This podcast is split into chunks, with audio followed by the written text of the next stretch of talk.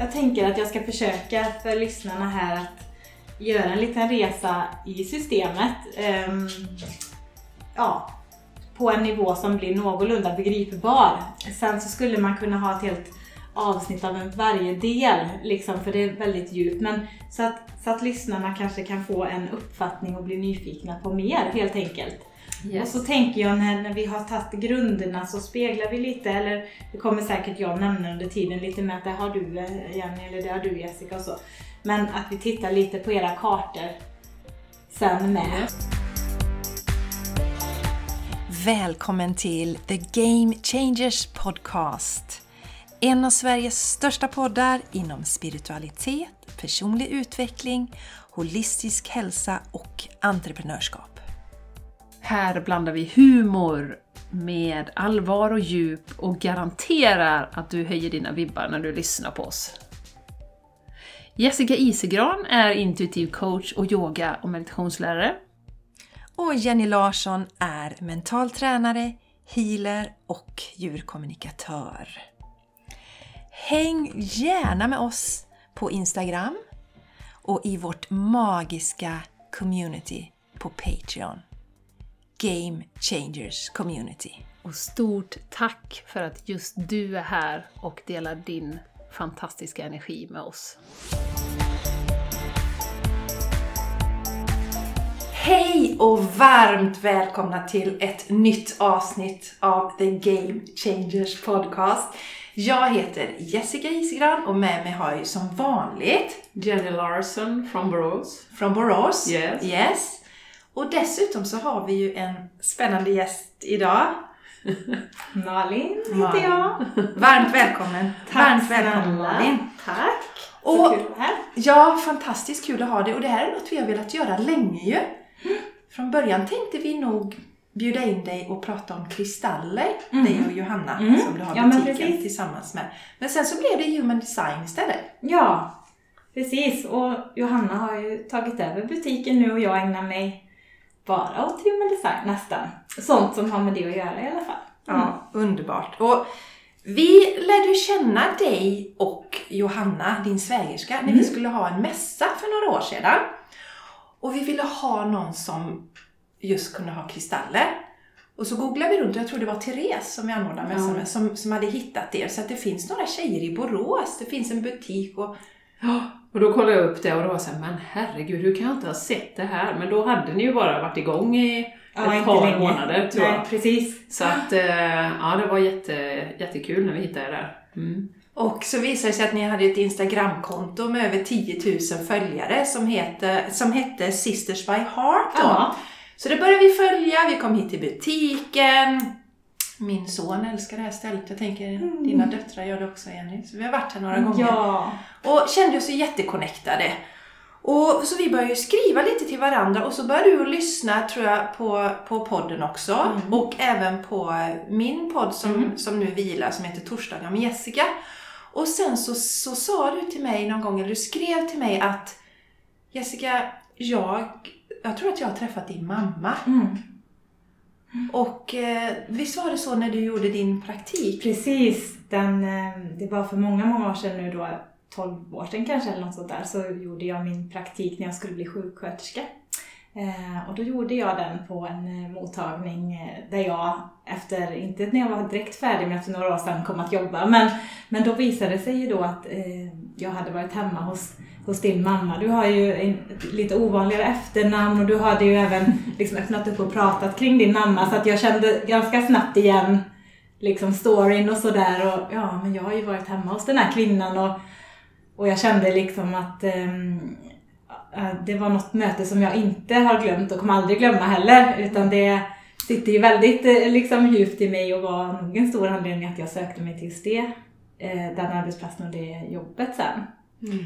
Och det var, som var så mm. fint var ju att mamma hade lämnat precis, alltså mm. hon hade gått bort precis i den vevan. Så för mig var det en fantastisk hälsning från mamma mm. när du berättade det också. Mm. Så det var, det, det, är så fint. Ja, det... Och, det vet ju ni som lyssnar, mamma är med mycket hon är definitivt med idag. Hon tycker ju...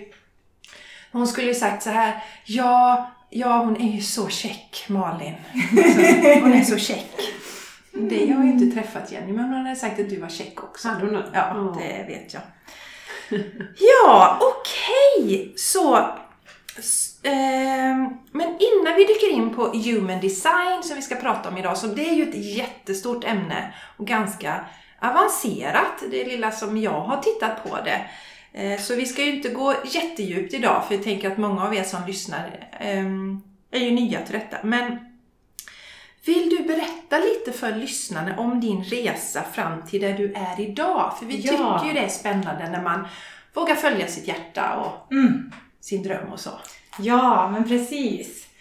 Eh, ja, men alltså jag har ju alltid varit en person som har eh, haft lätt till eh, nyfikenhet och lätt till inspiration och Ehm, ja, men varit nyfiken och öppen på, på mycket saker. Det började nog eh, tidigt. Jag gick ju i skolan sådär som, som man gjorde och tog studenten och så, så då var det ju en viss, en viss gång liksom att följa som jag gjorde och så. Men sen efter det så har eh, livet liksom ända sedan dess varit ganska ombytligt för mig när det gäller vad jag har sysslat med. Jag har provat ganska många saker ehm, och tyckte nog det var lite jobbigt i början för att det var ju inte kanske så uppskattat från omgivningen alltid. Utan det var ju bättre om man kunde ta sig liksom och bestämma sig och liksom, ja, så fullföljer man det och så blir man klar med det någon gång. liksom lite så. Ehm, Vad var det du testade då? Jag Ja, så nyfiken. men först så pluggade jag turismvetenskap ett, ett år Ja. i Karlstad. Och det var egentligen en treårig utbildning men eh, det var resterande av den utbildningen intresserade väl inte mig jättemycket. så att när jag hade läst färdigt det ämnet då så kände jag nej, men ja, det vill jag nog inte fortsätta med. Så att då liksom eh, då tror jag att jag jobbade lite tag däremellan. Eh, gjorde jag. Jag har jobbat på hotell här i stan och Eh, men, men mycket i vården fast inte, inte som vårdare just det. Jag har jobbat i administrativt innan jag blev sjuksköterska. Eh, och sen så hoppade jag på ekonomiutbildning. Ehm, men det var liksom, det var inte min grej. och sen, ehm, ja det var så mycket saker där. Sen så blev det eh, en utbildning som hette hälso, nej, vad hette det? Management med inriktning mot hälsopromotion i Varberg. Ehm, som eh, var en ny utbildning. Och det var det liksom tanken att man skulle eh, jobba med ledarskap inom kanske spa och fitnessbranschen framförallt. Det var väl lite det. Men jag ville ju jag ville nog gärna jobba med hälsa, med människor, med välfärd. Det är liksom det jag har velat jobba med hela tiden på något sätt. Men, men eh, inte riktigt vetat vägen dit. Men den utbildningen eh, gick jag färdig. Och jag brukar skoja lite och säga att ja, det var kanske inte så många av oss som fick jobb inom det. Det var dels gick vi ut i en lågkonjunktur sist. Det var lågkonjunktur och sen så eh, dels så liksom ingen hade ju någon erfarenhet av oss som slutade den utbildningen så att det var ju svårt att få jobb där de hade tänkt man skulle få jobb liksom från början. Det var, det var lite svårt att veta var man skulle börja där. Men jag brukar skoja och säga att det var i alla fall då eh, på den utbildningen jag träffade min man och en av mina bästa vänner som jag har idag. Så det var ju ett syfte med det, helt klart. Så din man gick? Han gick den utbildningen och vi är väldigt olika och jobbar ju med otroligt olika saker idag. Så att det, var ju, det måste varit den som var Mm. själva grejen med att jag skulle gå där, tror jag. Men jag älskade ju de, eh, den hälsodelen i utbildningen när vi läste jättemycket beteendevetenskap, psykologi, sociologi. Eh, tyckte jag var jättespännande. Eh, marknadsföringen också, det är också lite psykologi. Tänk i det. Själva företagsekonomin kanske inte lika spännande men jag tog mig ändå igenom den och tog den där examen där så. Men sen så blev det ju jobb igen. Jag jobbade på i reception på vårdcentral och det hade jag gjort sedan jag var 16 till och från. Ehm, så det var liksom känt sådär. Men så kände jag, nej vad ska jag göra? Och jag var, redan då började jag känna att jag ville starta eget och sådär. Men jag visste inte riktigt vad och någonting med hälsa och liksom så. Men sen så blev det väl ändå att jag tröttnade väl på det här att man fick söka så här ströjobb här och var och liksom jag liksom, ja.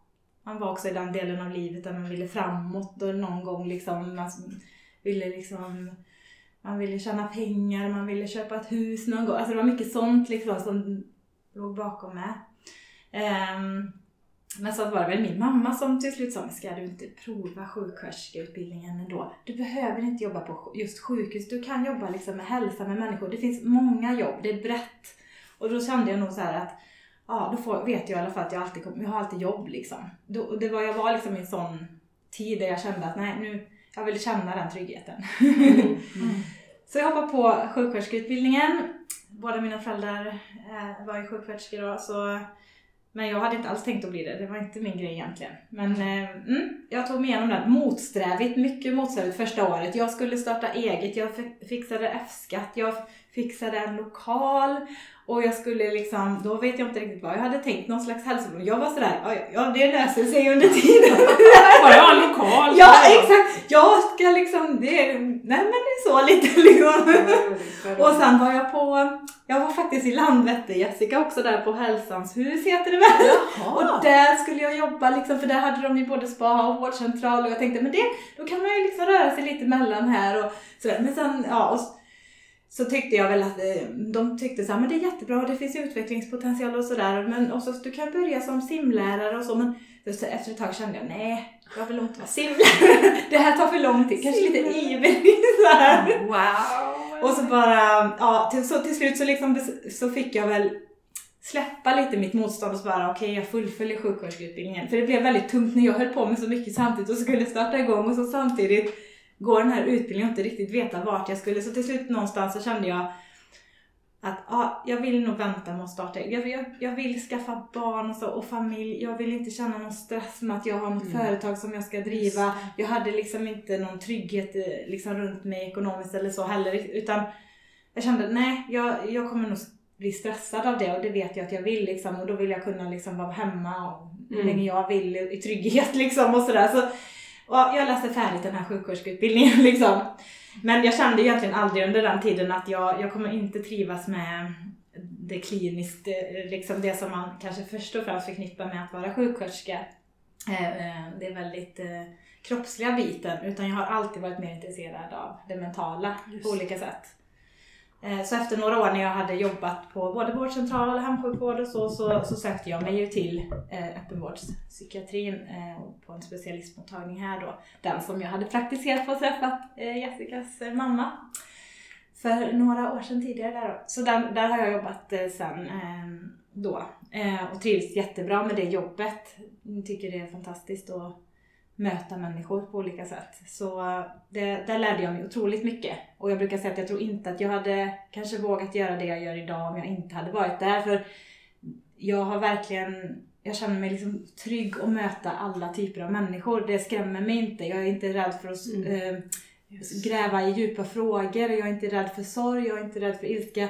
Jag känner att jag vågar möta känslor och sådär. Och det tror jag jag har alltid haft lätt för att möta det hos mig själv men att det var svårare först att möta andra. Hur ska jag liksom hur ska jag vara nu i rummet och sådär. Och det lärde jag mig väldigt, väldigt mycket där och det blev en jätteerfarenhet mm. och trygghet att bära med sig. Så det är jag väldigt glad för. Eh, och jag, jag, tycker också att det är en trygghet att veta att jag vet eh, om jag märker att det är någon som behöver någonting annat så kan jag hänvisa den till rätt ställe. Liksom. Mm. Det kan man ju ibland så, mm. så träffar man människor som, som är i ett annat läge och behöver någonting annat. Och så. Ja. så jag är tacksam för den erfarenheten, väldigt tacksam. Eh, men som sagt det här längtan efter att ha mitt eget och så. Frihet för mig. Alltså jag, jag ska ärligt säga, och det, om min mamma hade hört det här så vet jag inte vad hon hade tänkt. Men, men alltså om, jag har nog alltid tänkt, känt så här hur ska jag kunna vara på en arbetsplats? Jag, jag, jag har liksom känt att det här, jag förstår inte hur jag ska kunna trivas. Och jag har väldigt lätt för att liksom samarbeta, vara i grupper, det är inte det. Liksom, utan det är min inre känsla. Mm. Jag hade i början när jag liksom var yngre och började på arbetsplatsen, jag, liksom, jag längtade så hem. Det var, och jag var själv förvånad. Jag tänkte, jag är ju liksom i min stad och allting, men jag kände bara, jag längtar hem liksom, jag måste härifrån. Alltså det var en så stark känsla bara att, och jag tror det var just det att jag kände mig instängd. Jag visste att jag kan inte bara gå härifrån när jag kände för det, utan jag måste ju stanna till klockan fem och liksom ja. Och imorgon måste jag vara här klockan si eller så. Och jag måste, de har bokat på de här grejerna på mig som jag måste lösa. Och jag fixar inte riktigt den känslan. Eller jag fixar den, men det tar väldigt mycket energi för jag behöver vara väldigt flexibel i någonting mm. som jag inte känner att jag egentligen alls trivs med. Um, så den längtan och liksom känslan att eh, jag ska vara någon annanstans, den har ju liksom alltid varit där. Eh, och det har, det har tagit lång tid att acceptera för det är ju inte riktigt accepterat ändå. Det är ju mycket sådär att, nej men du, man ska, alla ska ju vara på ett jobb måndag till fredag och alla ska, alltså det är ju det som är, det är så bra liksom och nu har du jobbat och nu förtjänar du din semester. Wow. Den känslan. Mm. Liksom. Mm. Så det tog nog ganska lång tid för mig innan jag, jag började väl till helt enkelt väga vad är viktigast? Är det liksom min, mitt välmående, min önskan, är det mitt liv jag lever eller är det någon annans liv? Liksom. Mm. Och då blir det ju ändå på något, någonstans blir det ju ändå men jag måste ju ta tillvara på mitt liv. Det är ju bara jag som ska leva det och som ska må gott i det liksom. Mm. Eh, eh, jag kan inte leva utifrån eh, någon annans önskningar som man ändå kanske, man har dem inte i vardagen ändå. Men ändå så då och då så, så får man någon åsikt eller tanke från någon liksom. Mm. Eller samhället i stort sådär. Men det är ju, mm.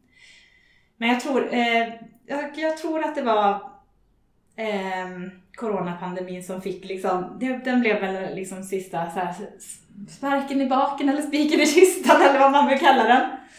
För då kände jag, det här som är i vården som är den tråkiga biten är ju att det är så otroligt styrt hur, vad jag får säga, vad jag får göra. Eh, liksom, det är väldigt mycket riktlinjer på olika sätt. Eh, och tyvärr kan jag tycka också att eh, jag önskar att jag kan säga att ah, men det är jättebra för vi hjälper så många och vi hjälper ju så många. Mm. Men det är också väldigt många som man inte kommer vidare med. Mm. Eh, som sitter kanske på samtal år efter år efter år och kommer inte vidare. Eh, men eh, ja, man får inte lov att arbeta på saker som på sätt som kanske skulle vara mer konstruktiva. Ehm, skulle jag vilja uttrycka i alla fall. Eh, utan det blir ganska mycket av ett ältande ibland.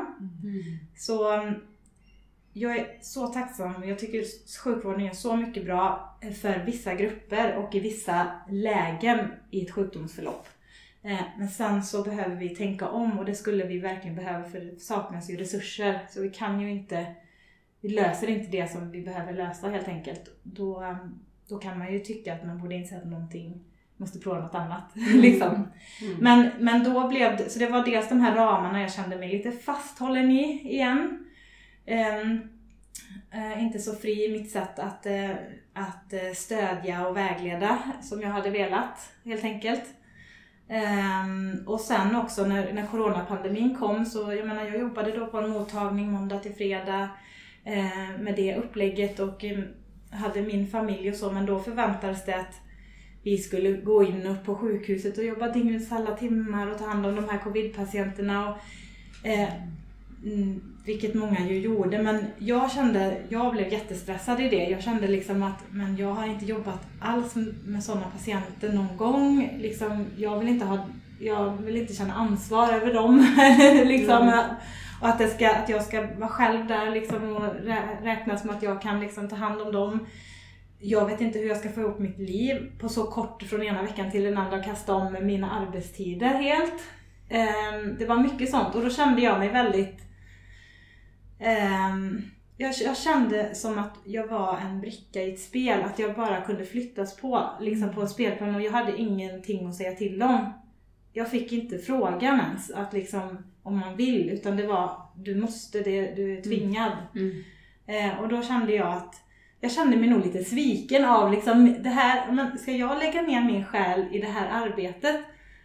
Och så får man liksom så har man ingen frihet alls. Eller liksom, jag är mm. inte värd någonting som person utan jag är bara en i mängden, en liten bricka som vi flyttar på hur det passar. Mm.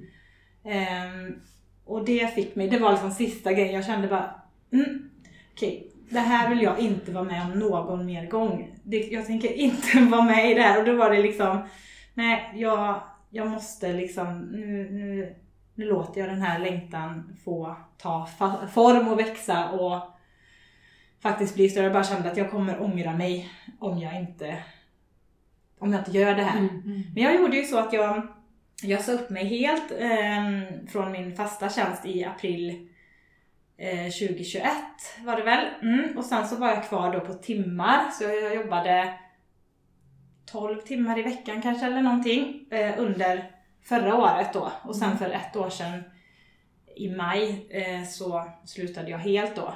Och då kände jag lite grann att eh, det var skönt att ha kvar den ekonomiska tryggheten och det var roligt såklart att ha jobbet också men ehm, jag kände att jag trivdes inte jättebra i miljön. Då hade vi också flyttat från vår mottagning upp till sjukhuset och jobbade i öppet kontorslandskap. Det tog också mycket på min energi kände jag. Eh, Det var så mycket intryck hela dagarna.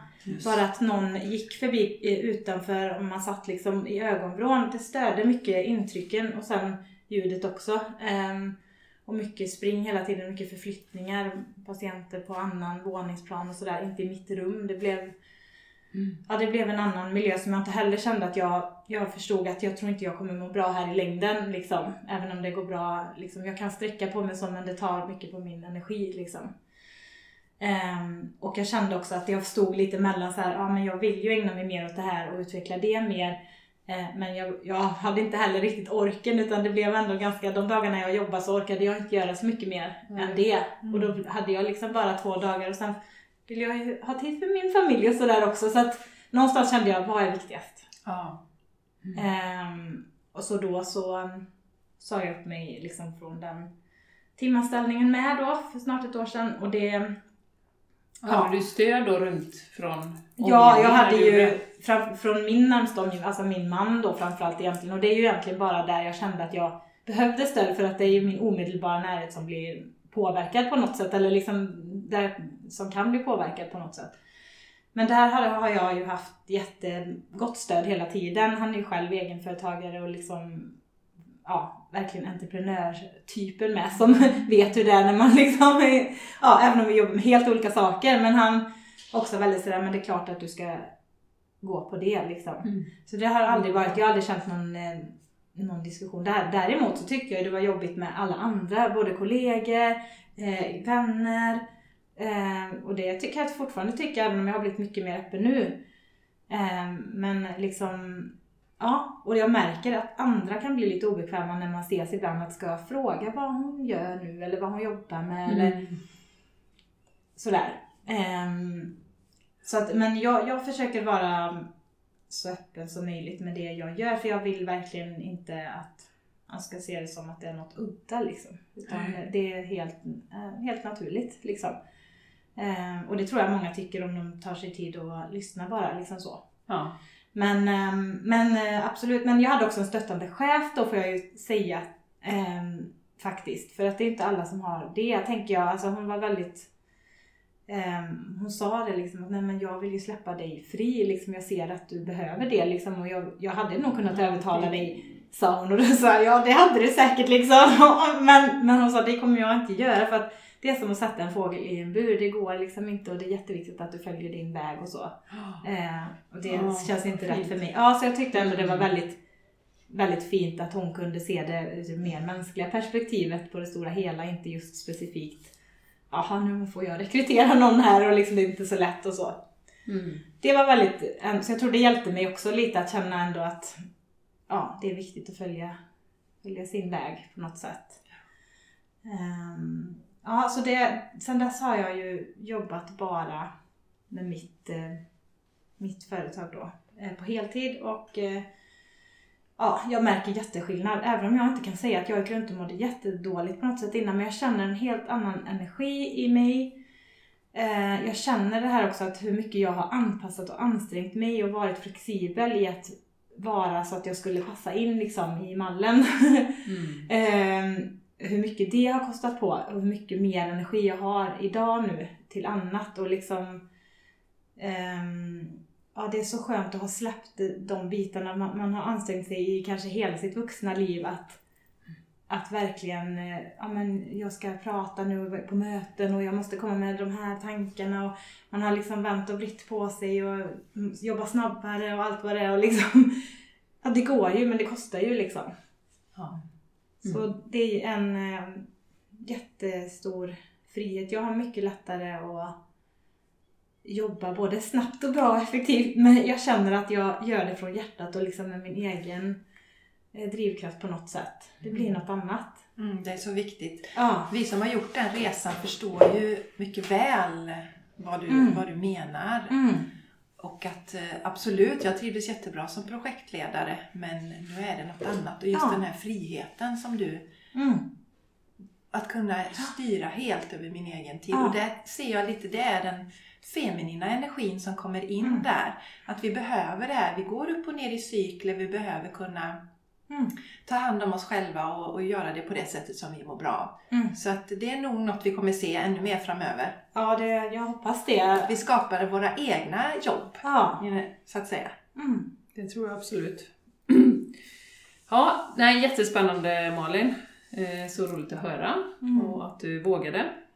Eh, och du kan ju mycket olika saker och mycket kunskap och visdom. Men just idag så ska vi faktiskt prata om human design. Precis. Så, och det kan vi ju inte förutsätta att alla lyssnare vet vad Nej. det är, så vi tänkte att vi får ju börja med att gå igenom Ja. lite grundläggande. Vad är human Precis. design Precis. för någonting? Jag tänker att jag ska försöka för lyssnarna här att göra en liten resa i systemet. ehm, ja, på en nivå som blir någorlunda begripbar. Sen så skulle man kunna ha ett helt avsnitt av en varje del, liksom, för det är väldigt djupt. Men så att, så att lyssnarna kanske kan få en uppfattning och bli nyfikna på mer, helt enkelt.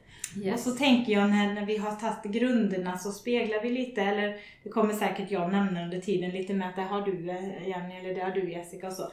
Men att vi tittar lite på era kartor sen med. Yes. Och sen så ska, Roligt. får ni läsa era kartor i er skriftliga guide som jag har gjort till er sen då. Så lyxigt! Ja.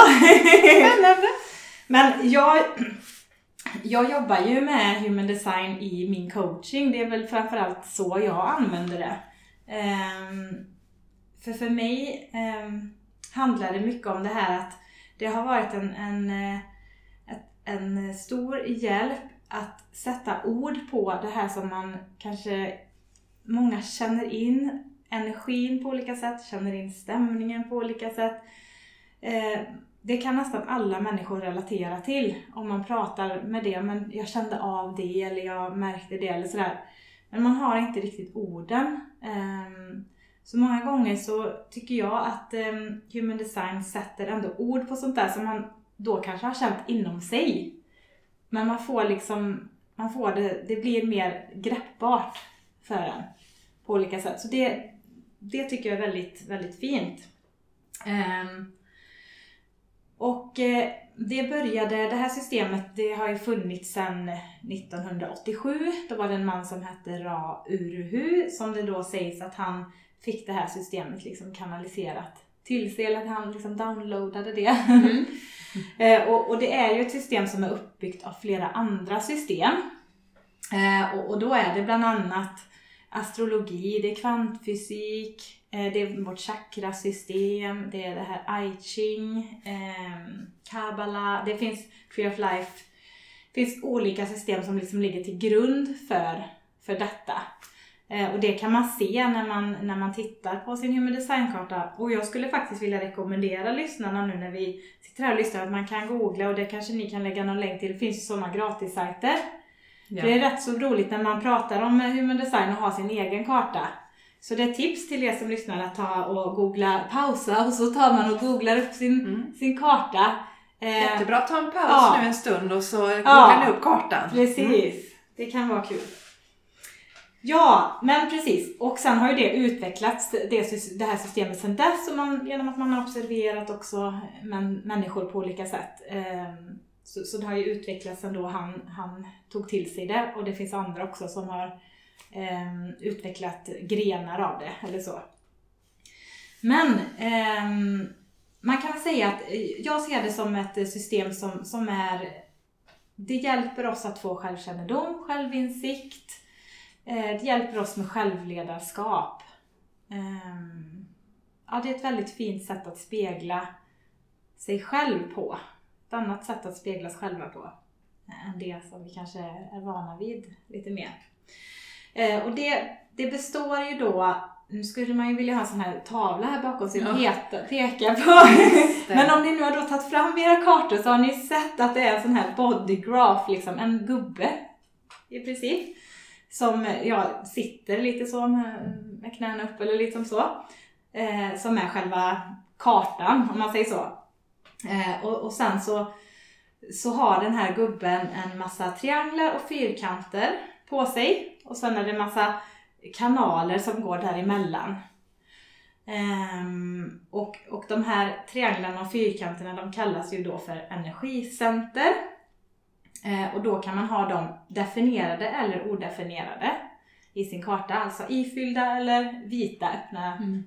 Och, det har då betydelse för ehm, hur, hur de och de här eh, kanalerna sitter har betydelse för den energityp man är. Hur de sitter samman då. Och i det här systemet så, så finns det fem energityper. Och eh, de kallas för, ehm, eh, vi ska gå in på dem lite mer, men de kallas för generator, manifesting generator, manifestor, projektor eller reflektor. Eh, Men jag tänker faktiskt att vi ska gå in på centrerna lite grann först. Ehm, Och vad är centren Det är de här trianglarna och fyrkanterna. Yes. Mm, de som kunde vara öppna eller stängda. Ehm, Försök att hänga med lite nu. det är som sagt, det blir mycket information. Men har man sin karta framme så ser man de här trianglarna och fyrkanterna i sin karta. Mm. Ehm, och då tänker jag att eh, jag börjar nu nedifrån i, i kartan. Längst ner så har vi, eh, vi en fyrkant där. Där, där kallas för, det här, de här centrerna bygger på chakrasystemet. Det är bara det att här finns det nio istället för de här sju eh, huvudchakrarna. Och ehm, då längst ner så finns det rot, rotcentret. Eh, och det här är ett, eh, ja, ett, ett pressure center. Här hittar vi adrenalin. Man kan ha då detta eh, vitt, då är det öppet, odefinierat. Eller ifyllt, då är det definierat. Har man det här definierat så eh, det visar på hur man kan hantera stress och press på olika sätt. Eh, man har ett fixerat sätt att producera adrenalin. Ehm, och har man detta centret definierat så är det inte därifrån man känner stress utan då- då kommer det från andra ställen. Det här är mer, här får, blir saker och ting gjorda. Man har det här, någonting som, som pressar på, liksom som driv, en drivkraft kan man väl säga, som ligger där i roten. Medan alltså, om man har det odefinierat då så, så är man mer, eh, man behöver lära sig lite grann hantera stress och press.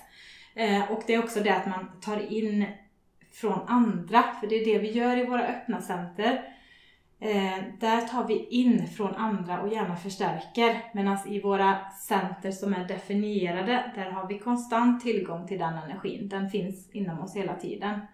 Ehm, så um, i, i den här roten så, så kan man ju då ta in den här känslan av till exempel stress och press från någon annan som kommer in i rummet och har den här definierad. Um, jag har den till exempel odefinierad och det, det är ganska tydligt eh, ibland att jag gärna kan börja liksom nästan förklara hur mycket jag har gjort när, någon, när min man kommer hem som har liksom den här definierad då fast han liksom bara okej jag har inte ens frågat hur jag men jag känner någon slags så här press att ja, och jag, nej, jag kanske inte kan sitta i soffan, jag sätter mig nog vid bordet. Lite sådär Ja, jag känner av den. Det vi brukar också säga jag och Johanna som har butiken vi sitter i, hon har också den här definierad och att hon liksom har den inverkan på mig liksom också då. Så det är ganska spännande om man vet om man är olika där ibland att mm, okej nu förstår jag den känslan och då har den andra personen inte liksom sagt någonting Nej. överhuvudtaget men man får bara den känslan liksom. Spännande. Ja, det är spännande och det kan också vara så man har det odefinierat att man, man ibland kanske känner den här känslan, ah, jag, jag måste nog, jag måste först plocka ur diskmaskinen, bädda sängen innan jag kan lägga mig på soffan. Inte Ja. tvärtom. Då har jag det inte. Inte? jag tror inte det Jag tror, nej, jag tror båda ni hade den definierad. Jag kan vara, äh, jag skiter i Ja, nej, diskmaskinen. att, ja, ja, men, Jag kan diska två grejer och sen lämna åtta. Det är inga problem för mig. ja, alltså det är Jag är i och för sig en, en då som... Min man tycker, de det är andra lite, han tycker det är lite jobbigt när det står grejer kvar på. Men jag brukar säga så här, vill du hellre ha en utbränd fru eh, och ren på diskbänken eller vill du ha lite stökigt och en eh, pigg och frisk fru? Det är precis. Ja, det är spännande. Ja. Men Malin, det handlar inte om balans och obalans. Jo, man kan ha balans och obalans i centerna. Mm. Alltså, ehm, Men även om den är definierad eller odefinierad så Ja, kan det vara precis. balans eller obalans. Ja, det Ja. kan det vara. Alltså, man har ju alltid det man har så att säga. Ja. Jag har alltid min odefinierad. Men jag kan ha den, det odefinierade i mer balans eller obalans. Mm, om man okej. säger så. Det finns Mm. liksom som en, vad ska man säga, kalla det obalans eller balans eller skuggsida och gåvosida eller vad man ska säga i de här centrerna. Och även i, vi kommer inte gå in på alla gater men ni som har då letat upp eran bodygraph ser ju i de här fyrkanterna och trianglarna så står det en massa siffror också för att göra det ännu mer. Det är, eh, det kallas för gates eller gåvor eller portar kan man kalla det. Det är alltså egenskaper vi har. Okej. Och är de också lite färgade runt, då har man den egenskapen aktiverad. Så säg att ni har, eh, jag tror ni hade båda definierad rot, så har ni de här siffrorna med och då kan de skiljas jättemycket. Mm. Så att man har ändå sitt uttryck.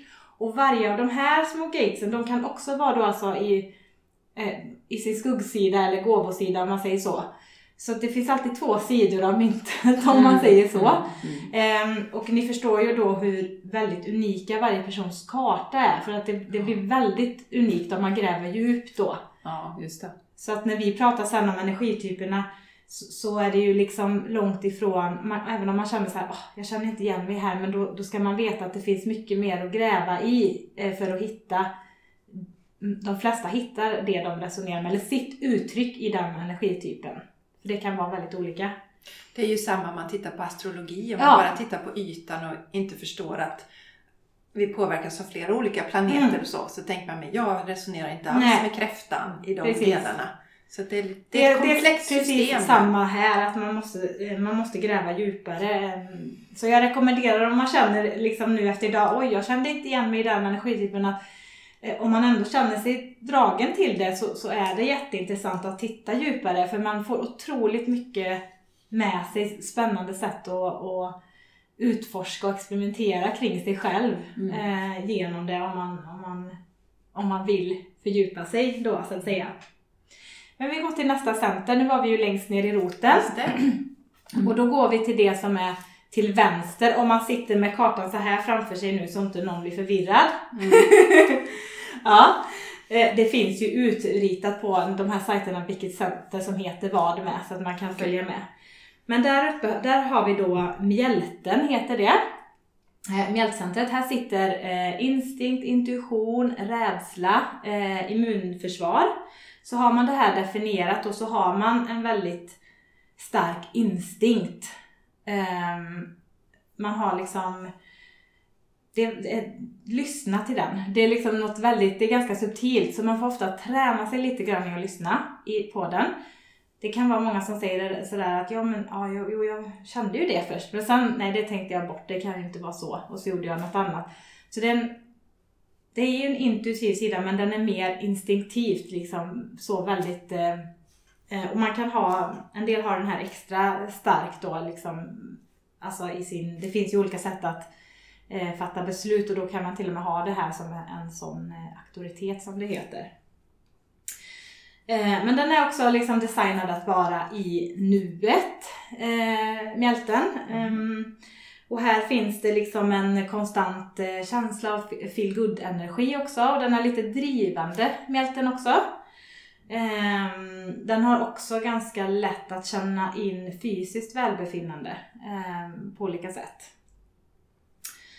Eh, Har man den odefinierad så kan det vara så, för här sitter ju som sagt våra rädslor, att man jag har den till exempel odefinierad eh, och jag tror du hade den definierad, jag kommer inte helt hundra ihåg.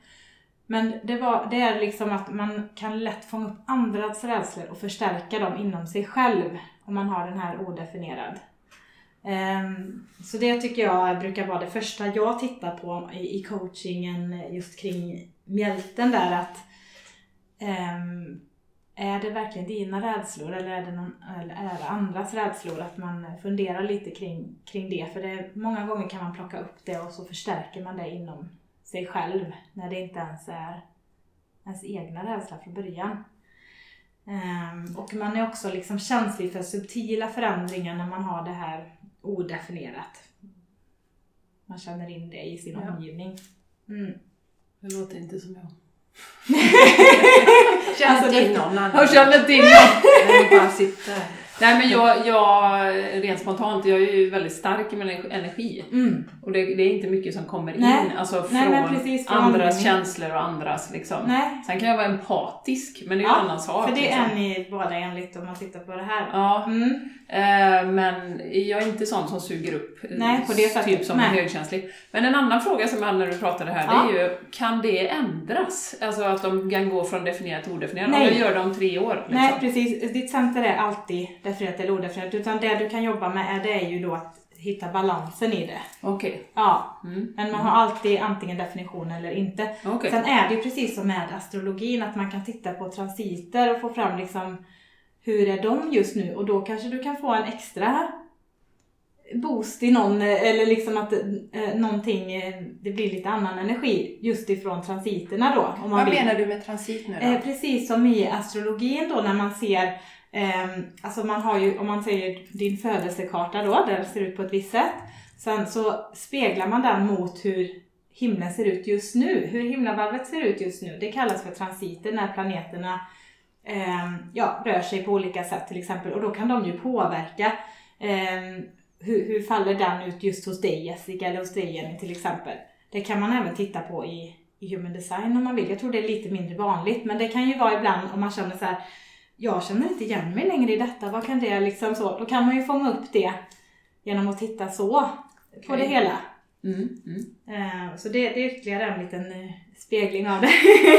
Spännande. ja. Mm. Sen går vi vidare mot höger, då har vi i mitten där eh, något som kallas för sakralcenter.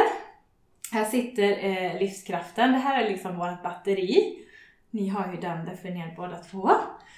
Ehm, och ehm, här sitter ju kreativ kraft, sexuell kraft, alltså ren livskraft. Det, det är väldigt likt sakralchakrat Mm. i sitt uttryck om man säger så. Det är det som jag tycker är mest likt Mm. likt det. Så, så vet man vad det innebär så känner man nog igen eh, liksom, beskrivningen kring det här. Men här, det producerar mycket livskraft till både sig själv och omgivningen, det här centret.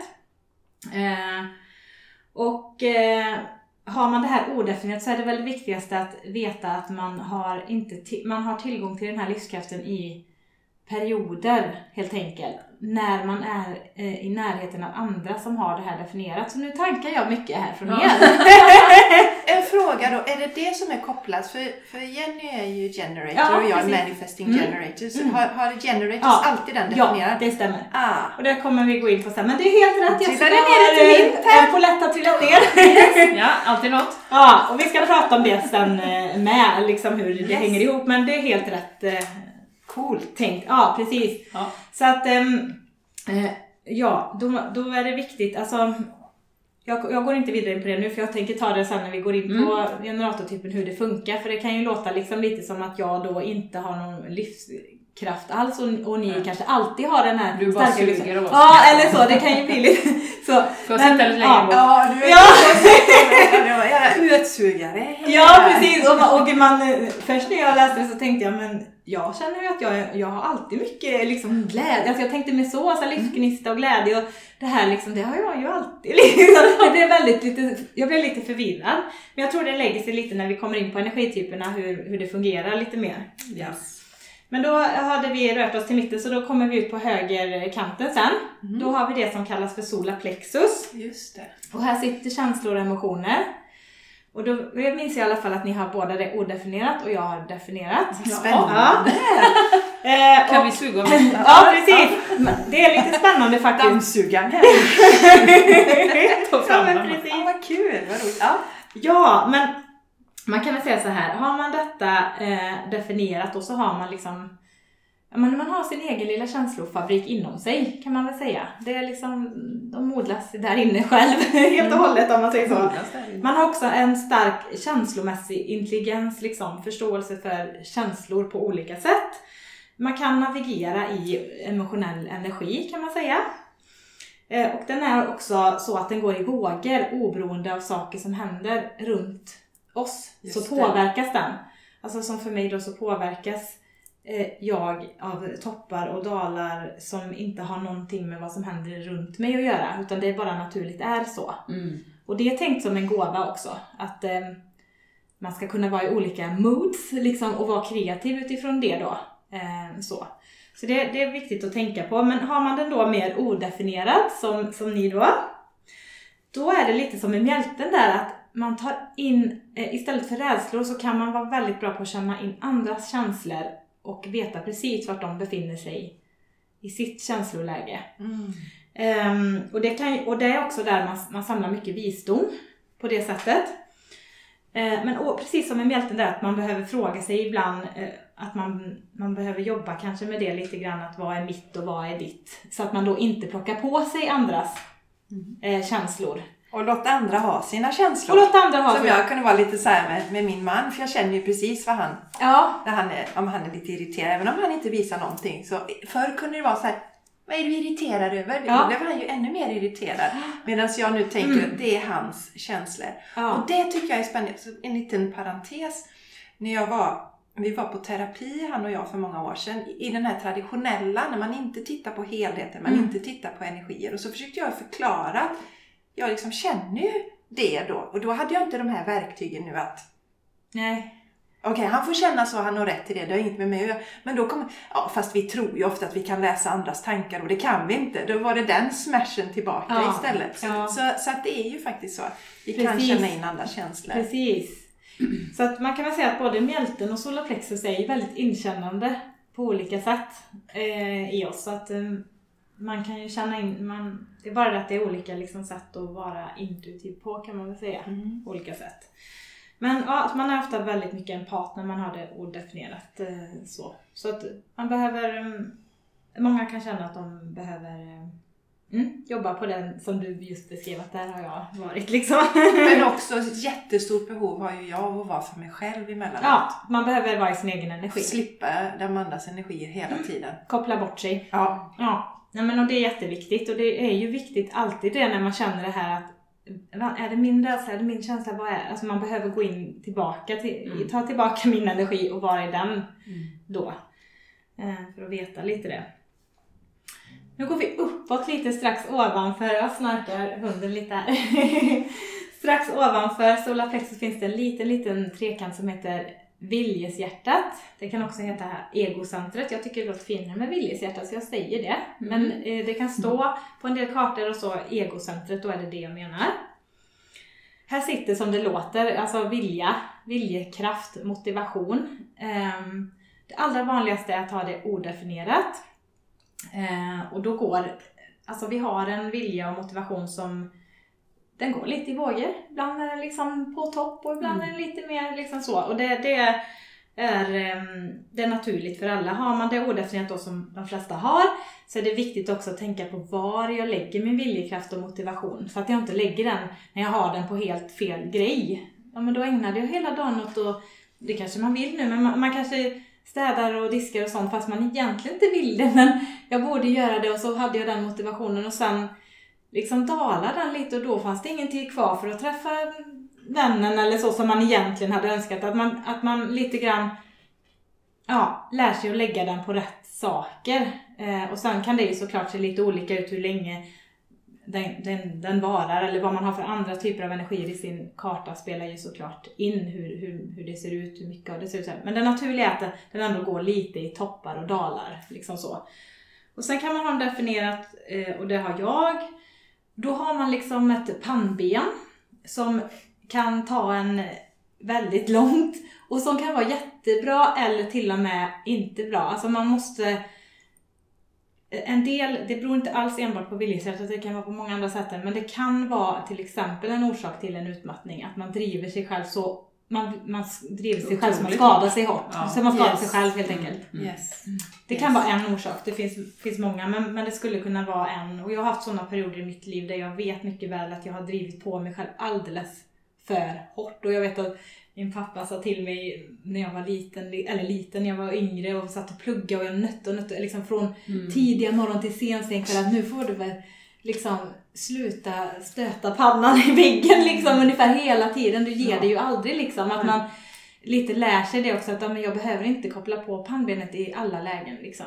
Det är bra ibland men den behöver liksom inte vara påkopplad. Jag har den ju där jämt men jag behöver liksom inte kanske skruva på den på max jämt utan mm. mer låta mig vara också i nej men nu gör jag inte det där. Så det, ehm, men en del, har, kan- en del kan ha lättare för att ta sig an nya rutiner om man har det här definierat till exempel i sin vardag. Att det, ehm, jag kan tycka det är svårt med förändringar men däremot kan jag ha väldigt lätt att hålla, alltså vara väldigt disciplinerad. Och det kan ju vara bra om det är lagom. Mm. Liksom. det. Mm. Det här med träning till exempel eller så. Att det blir lagom så att det inte blir att man tränar även när man är sjuk. Mm. precis. Det är liksom det som är skillnaden, att det är viktigt att balansera det. Mm. Så ni hör, det finns liksom det är ingenting som är mer fördelaktigt eller, eller mindre för- fördelaktigt utan det finns alltid eh, en balans och en obalans kring de här centren så, man då det är det som är så spännande om man jobbar med, med enskilda personer eller med grupper och specifikt kollar på, på kartor att då får man ju fram hur tar sig det uttryck i ditt liv och så, så kan man jobba med Just det på det. olika sätt. Mm. Ehm, så. Det, vi känner ju in det på olika sätt. Mm. Ja, spännande. Ja, eh, sen så går vi till lite mot mitten igen. Den diamanten brukar jag kalla den i mitten där, den kallas för G-center. Och här finns då eh, eh, kärlek, identitet och riktning gömmer sig i, i det här centret. Så har man det här definierat så har man nog alltid haft en känsla av riktning i sitt liv som kommer liksom inifrån på något sätt. Eh, och eh, det kan också ta sig uttryck kanske lite så att man är lite mindre flexibel i sin identitet, vem man är.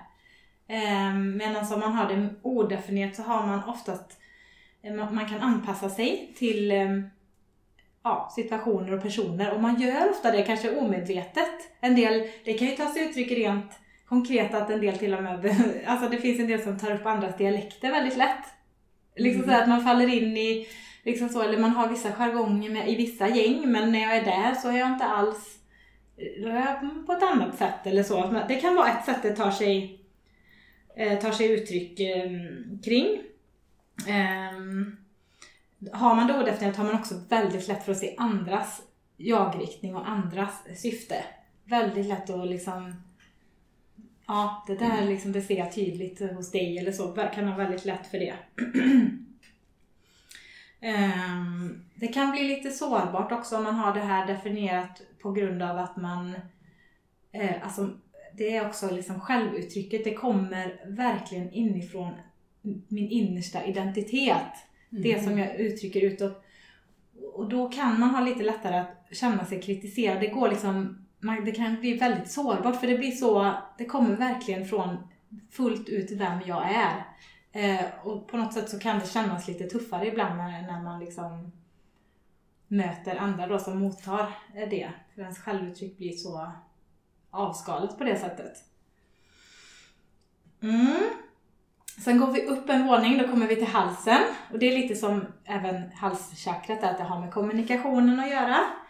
Ehm, och eh, har man det då liksom definierat, ehm, men då man har, en, man har ett bra sätt att kommunicera på. Man är, vad ska man säga, man, är, man har sitt sätt att kommunicera på. Man har hittat sin, sin röst, eller vad man ska säga. Eh, man, man är också man är liksom designad för att, att eh, prata om sånt man känner sig connectad till.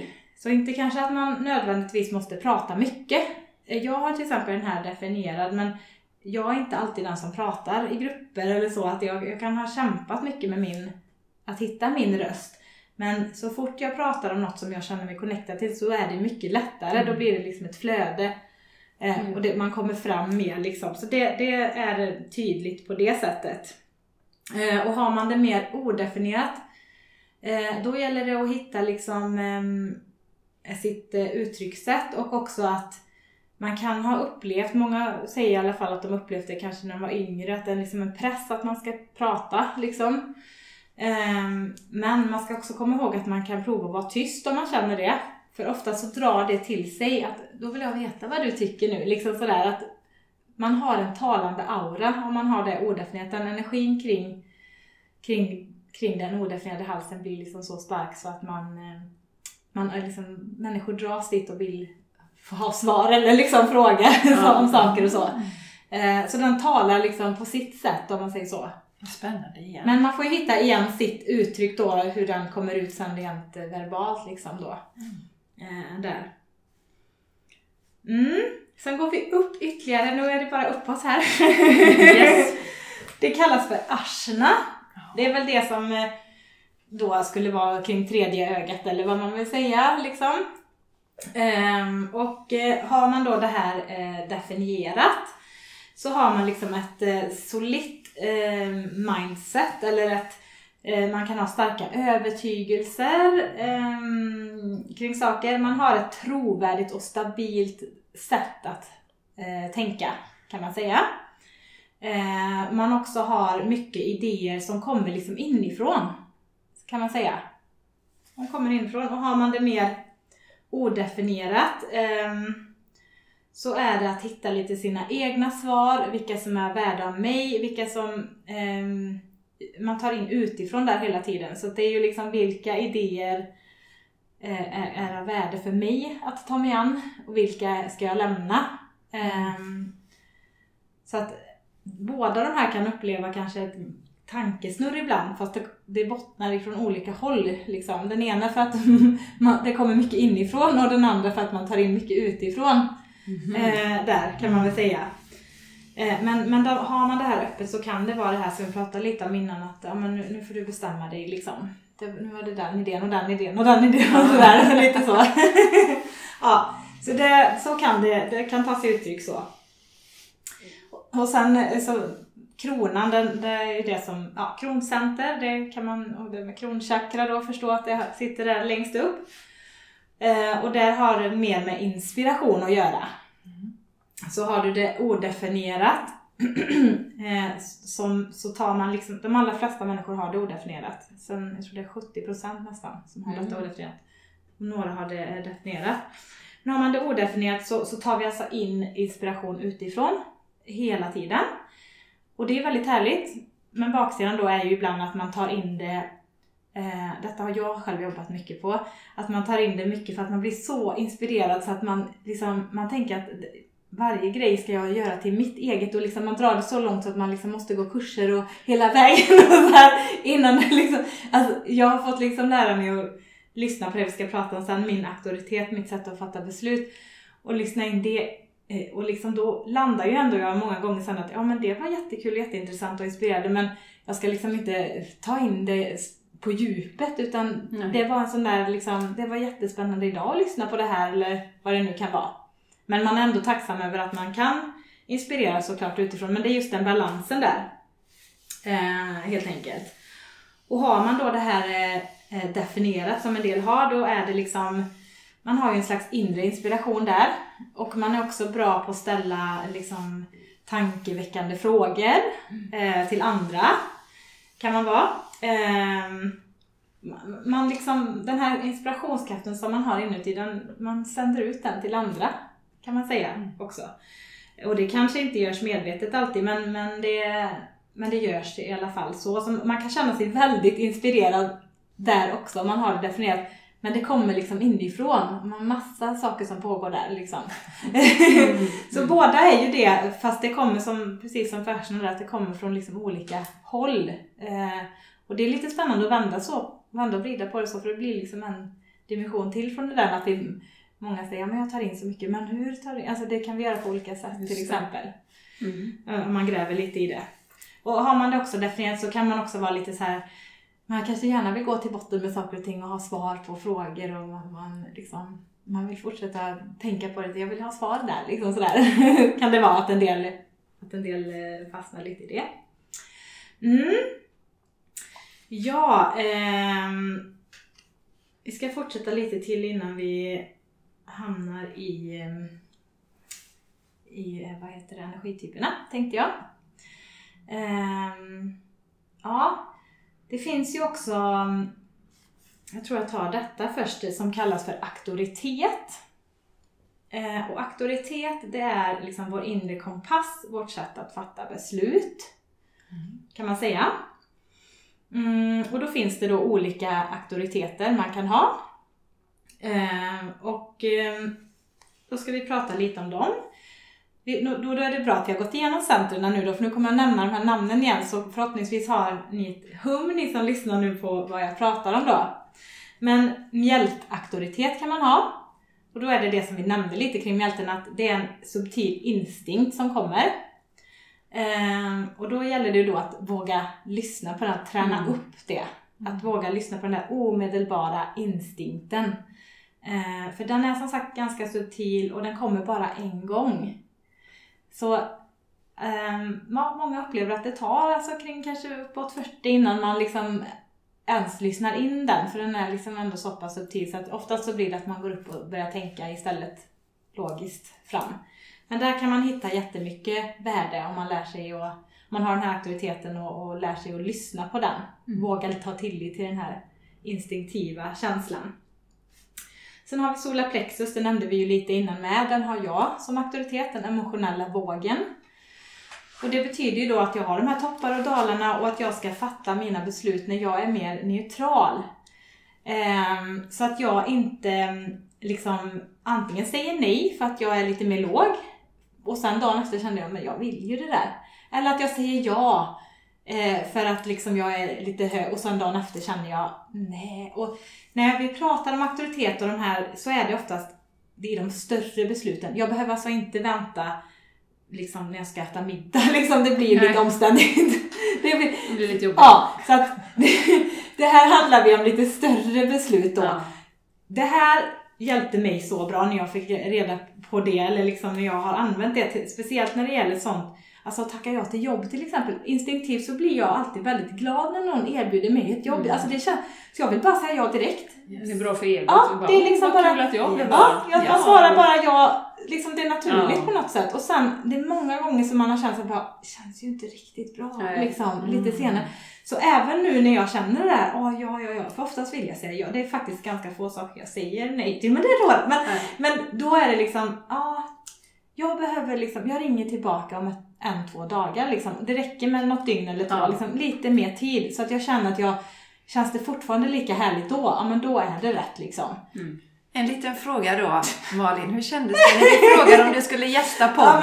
Ja, Hur gjorde du då? Jo, ja, ja, ja det har, eftersom vi hade pratat om podden lite innan också för ett tag så var jag liksom, jag kände nog att jag redan hade bestämt mig om jag skulle, att jag i så fall skulle vara med. Så det var inte Ja. jag kände inte att den frågan var helt så här tagen från tomma inte, liksom så. Pistol mot huvudet. Ja, precis. Men du, har man en auktoritet? Du sa inte Man det? har en auktoritet som är ens primära. Okej. Men man kan väl säga så här att, att har man någon, något mer ifyllt och så är, kan man liksom, det, det finns ändå en rangordning bland auktoriteterna. Ja, okej. Men det är alltid din primära du ska använda vid stora beslut. Men har man till exempel eh, sakral och sen kanske man har mjälten som sin auktoritet och sen kanske man har mjälten också definierad. Då kanske man, ja men jag kanske använder min, instinkt i vardagen mycket. Liksom, vad vill jag äta till middag eller så. Medan det är liksom sakralen när jag tar de stora besluten. Så kan det Ja. gå till. Mm. Ja, men man har alltid en som man ska använda för sina primära beslut. Om man gör en sån gratiskarta, får man Mm. reda på auktoriteten? Det får man. Ja. Mm. Så de här stora bitarna i kartan får man reda på vilken man har i alla fall. Så kanske Ja. inte alltid står så mycket förklarat men man får reda på Man vilken man det. har. Ja. Ja, bra. ja, och sen var det då sakral, den har ni två. Eh, och den, eh, det kan man Samma. säga, Mm, Ja. Det är från Generator Ja, tror jag. precis. Oftast kopplat till det. och det har med magkänsla att göra. Här skiljer man ju alltså då lite på instinkt, intuition, magkänsla, lite olika.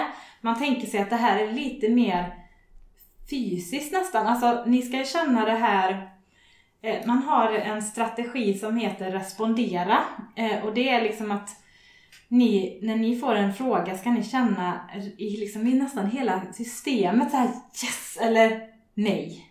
Yes. Något utav det då om man säger så. Mm. Och är, är det det här ja, liksom det är då, ja, då är det rätt. Ja. Eh, och är det nej, då är det nej. liksom så. Har vi inte en podd då som heter Är det inte hell yes så är det no? Eller om det bara Ja, precis. Ja, men det är lite ja, det. Det ska vara hell yes. Exakt liksom. så ska man tänka när man har den här. Det, är Yes. liksom, Men det gäller ju de stora besluten. Det gäller de förstås, stora besluten.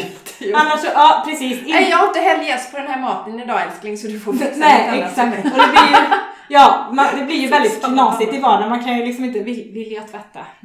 Nej, precis. Nja. Det vill jag aldrig. det. Aldrig någonsin. Superviktigt. Och det kände jag igen när jag såg den här först annonsen med att jag skulle utbilda mig till kundalini-yogalärare för många år sedan. Mm. Jag bara yes, jag ska göra det. Fast Ja. jag visste inte så mycket om det men det var en sån här typ Ja, yes-grej. Som bara liksom kändes eh, hela... Men det var ju samma som QHHT för mig. Mm. Det jag visste ju inte ens vad som hände så hade jag anmält mig. Ja men, Ja, kostar 10 000 vadå? ja ja. Kollar jag sen. Ja men liksom. Ja, du ska bara Det är ju det som är hell yes. Ja, exakt. Och då finns det ju ingenting som stoppar när man Nej. känner det. Nej. Nej.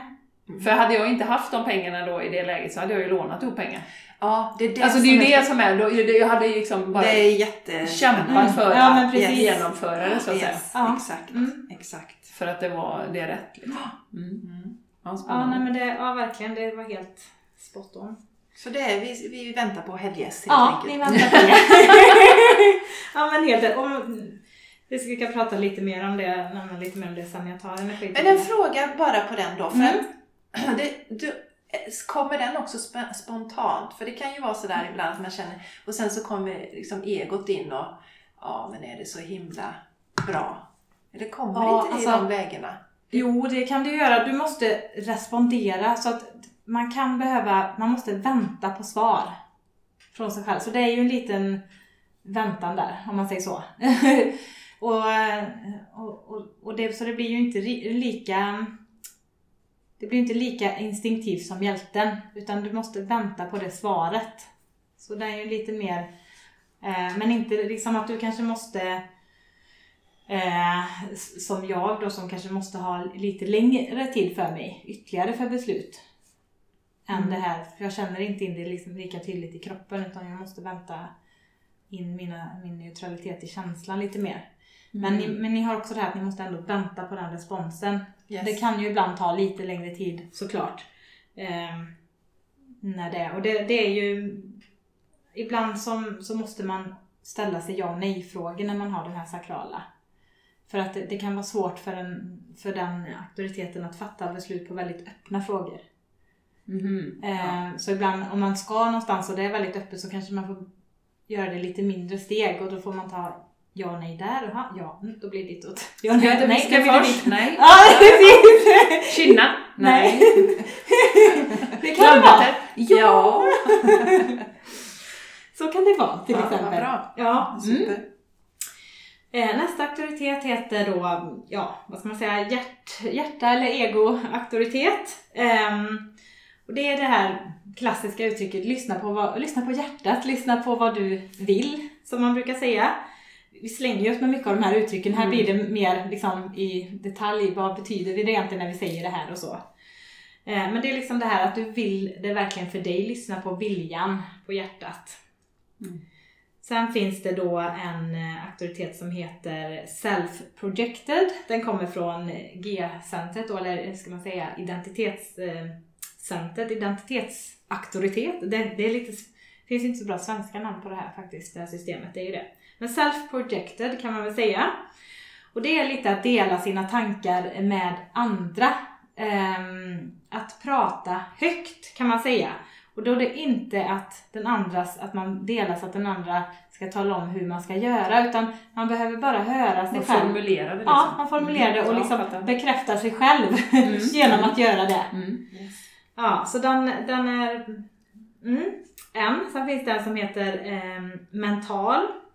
Mental projektor. Det är bara den projektortypen då som, som kan ha den här aktiviteten. Eh, och den handlar lite också om det. Eh, man har ingen, inte någonting i, i sin egen kropp som hjälper en med beslutsfattande där utan då låter det lite konstigt men det är liksom också det här att man sitter med andra och låter sin energi liksom studsa på andra okej. tillbaka till en själv. Ehm, så att man observerar sin energi på det sättet kan man väl säga. Ehm, man behöver liksom ha en trygg miljö runt sig också då när man, när man gör det. Ehm, mm, man känner in den när den studsar på andra och det kan också vara bra att då prata liksom med flera personer. Så får man in lite olika input och så får man liksom klarhet. Den är väldigt ovanlig den här, jättefå Ja, okej. som har den. Mm. Mm. Väldigt, väldigt få. Så den är inte så vanlig. En del, alla center under halsen är liksom helt vita om man har den här då. Så är det bara där uppe. Oj. Så den är väldigt ovanlig. Men, Albino. ja, men, nej, det finns en annan som är mer albino. Ja, ja, ja. Ja, nej men det, det, så den är väldigt, väldigt ovanlig. Men den finns. Eh, den kallas också för soundboarding, tror jag. Alltså det här ljudet studsar på något sätt mot andras energier. Och sen finns det då den som är, som bara, vi ska gå in på energityperna sen, som bara, som bara reflektorer kan ha, där man då har alla center vita.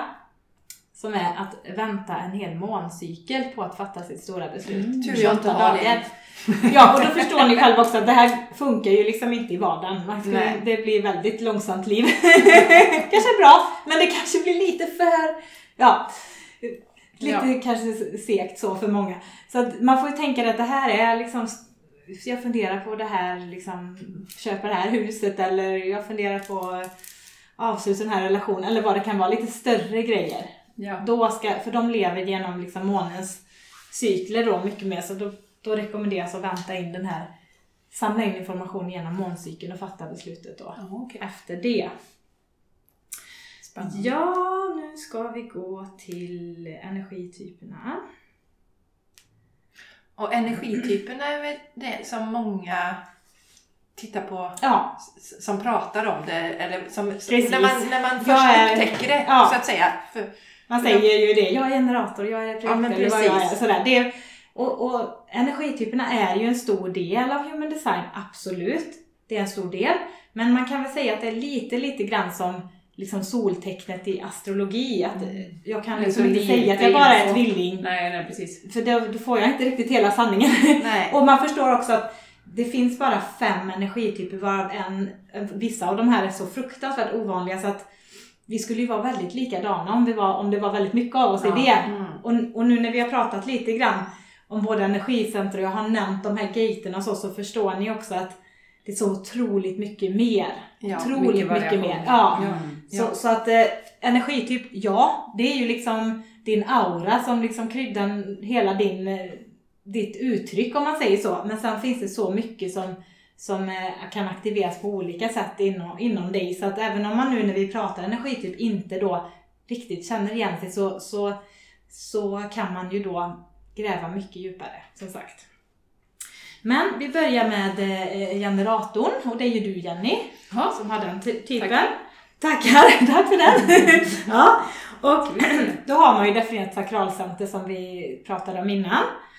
Ehm, och generatorer har mycket hållbar energi, de är riktiga doers, har en väldigt stark eh, karisma, så magnetisk, Tack. Inbjudande karisma, ja men det är liksom den känslan. Ehm, Sugar daddy. ja, jag lyssnar på det! ja, det är inte konstigt. Det är Inte konstigt att Jenny fick den in. Nej, nej, nej, nej, där kommer de. Nu vet jag varför. Generator. Ja, det är det. Du får skriva det till Sorry, I'm a generator. That's. Ja. Det är så. Ta det inte Eh. personligt men... Stenroligt. Ja. Ja, men alltså väldigt eh, varm, inbjudande aura har en generator och en riktig doer, mycket livskraft. och då kan det ju låta liksom att, ja men eh, vad bra, liksom, då har jag full, alltså, liksom, det är bara fullt go, go, go liksom. Ja, och så. Men det är också det här som vi var inne på nu innan, att man måste använda den här, de här ja och nej-frågorna, sin strategi och respondera på rätt saker. Ehm, för att man har bara den här energin aktiverad om man ägnar sig åt det som man känner det här hell yes för. Yes. Annars så kommer den inte. Nej. Och en generator genererar ju både livskraft till sig själv och andra. Mm. Ehm, men det gäller då att hamna på rätt Och då kan man ju tänka många i samhället, eftersom jag tror det är runt 37, man brukar säga runt 70% är antingen generatorer eller manifesting generators. Mm. Mm. Runt 37 någonting är eh, generators. Och då kan man tänka hur många då i den här gruppen, om man då är på fel ställe, som vi pratade om innan, att man inte lever efter sin sanning eller sitt hjärta så. Vilken energi skapar det då? Till Mm. sig själv och till andra. Ja, precis. Eh, när det är så många som kanske är där. Eh, så det är ju jätteviktigt att respondera på det och liksom gå och ägna så mycket tid åt det som känns. För det är då man får den här livskraften, tillgång till den. Annars så är det också så med generatorn att man kan ha liksom lite svårt att hoppa av sitt spår. Så att likväl om du har tackat ja då till något som inte var hell yes. Så kanske man, liksom, man har lite svårt att kliva av banan och då kanske man kör på så mycket så att man går in i väggen till och med. Mm, För man mm. genererar ändå den där energin, liksom man, man är en doer. Det liksom, Mm. så man går där liksom och harvar på med sin, eh, liksom, sitt batteri på något sätt så blir det liksom helt, ja, då blir det utbränt till slut. Ja. Mm. Så det är viktigt att tänka, för det kan ju låta väldigt, generator, det låter så att man Positivt. alltid har Ja, jättemycket energi. Ja. Så, och ja, så är det, men det gäller liksom att, att använda sin auktoritet och strategi där för att hitta det man verkligen får den där tillgång till den livskraften aktiverad. Mm. Helt enkelt. Så det är viktigt.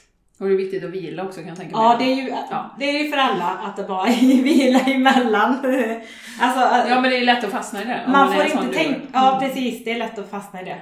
Och det Fick ett änglakort senast igår som var Som sa Ta det något om lugnt, ta det lugnt. Och purification. Ja. Det var ju så roligt sidospår här nu, men eh, jag har ju, vi har ju pratat om att göra en sån 369 cleanse nu igen.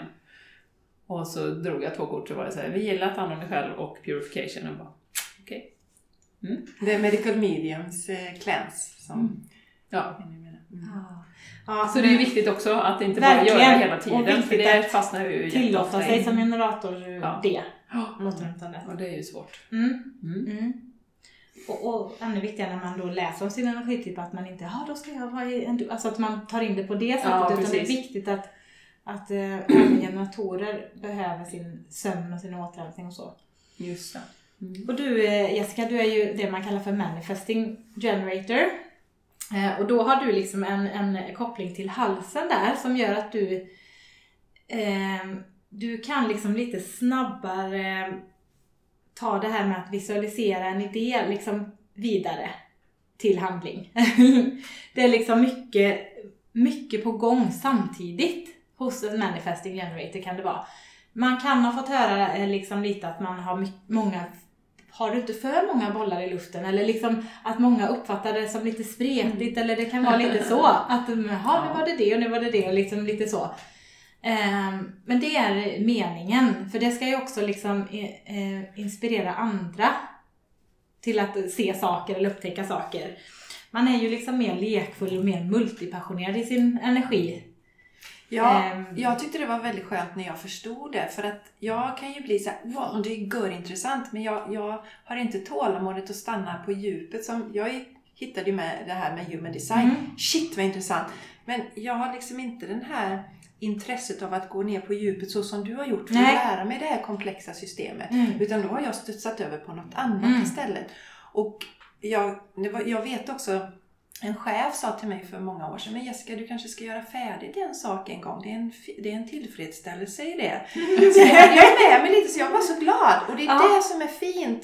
När man, kan, an- man ska ju inte använda några av de här sakerna, astrologi eller human design, för att sätta sig i en box. Utan för att Precis. förstå sig själv och kunna använda det och se, det är meningen att jag ska Ja. följa Ja. mitt hjärta. Precis. Och nu är jag intresserad av det, då går jag den vägen. Och nu är det det. Ja, nej men, och det tänkte jag säga efter att vi hade tagit det här och nu säger jag det nu när vi kom in på det liksom att att det är inte menat att man ska känna att man ska vara, "Jaha, då måste jag vara sån här nu då eller nu ska Nej. jag vara i den här boxen. Mm. Utan det som jag brukar säga att det är till mina klienter att du tar det som resonerar med dig ifrån det. Men eh, det, tanken är ju att vi ska faktiskt snarare kunna se hur vi kan frångå de boxarna som vi är satta i. Att, att få ett annat uttryck av, av oss själva. Ja. Men det är väldigt viktigt att inte känna att åh nu, ha, nu måste jag, ha, då ska jag vara sån här nu då och börja leva liksom utifrån det. Utan prova dig fram, experimentera, känn in. Har du någon nytta av det? Liksom, kan det vara till hjälp någonstans? Mm. Eller vad, Exakt. eller vad det nu kan vara. Så Ja. att man inte liksom försöker att anstränga sig för att liksom passa in. Och för min egen del så har jag tagit mig an lite olika delar och jag känner att olika delar blir mer framträdande olika perioder i livet och så, Mm, ja. så är det ju tänker jag. Och det är ju liksom då kanske jag... Men ofta så hittar man ehm, eh, snarare någonting som känns mer som en själv än mindre som en själv, Mm. tycker jag, när man tittar på, på djupet. Men det är viktigt att säga och det är också viktigt tycker jag att man kanske inte tror på liksom sådana här system som är lite mer liksom spirituella som, eh, som human design eller astrologi. Men å andra sidan så just, man kan ju prova om det ger en någonting, om det funkar, om man känner att ah, men jag har kört fast lite nu, jag behöver något annat sätt att se på mig själv liksom. Jag har provat detta och detta och detta. Och, och hjälper den så hjälper den oavsett liksom var det kommer ifrån. Mm. Ehm, Mm. Ja, bra. men viktigt att tänka på det speciellt att inte försöka anpassa sig att leva utan man kan mer tänka att där, där har jag lite svårigheter med det där. Och då, ah, okej, okay, men ska jag prova detta istället? Och så ser man. Funkade det bättre? Ja men jättebra. Funkar det inte bättre? Nej men då strunta i det då liksom. Ja. Alltså, lite så att man gör det med öppenhet. Ja. Och det vill jag också säga liksom när jag coachar att jag talar liksom inte om att ah, nu ser jag här, du ska leva så här och Nej. se och så. Utan jag är väldigt tydlig med att vi utgår från ditt liv. Ja. Och sen använder vi det här som ett verktyg, som en spegling och ser om vi kan finna någon, någon guidning genom det mm. som kan vara till hjälp. Är det inte till hjälp så lämnar vi det. Ja. Mm, så det är viktigt mm. att nämna tänker jag, så man inte känner det. Ja. Um, Superviktigt. Men du har ju liksom egenskaper från både manifestorn och generatorn kan man säga. Eh, i, i, din, eh, i din energi. Den är, den är lik generatorn men den är snabbare och eh, den är, den är mer, eh, ja, göra många olika saker samtidigt är din design helt enkelt och visualisera.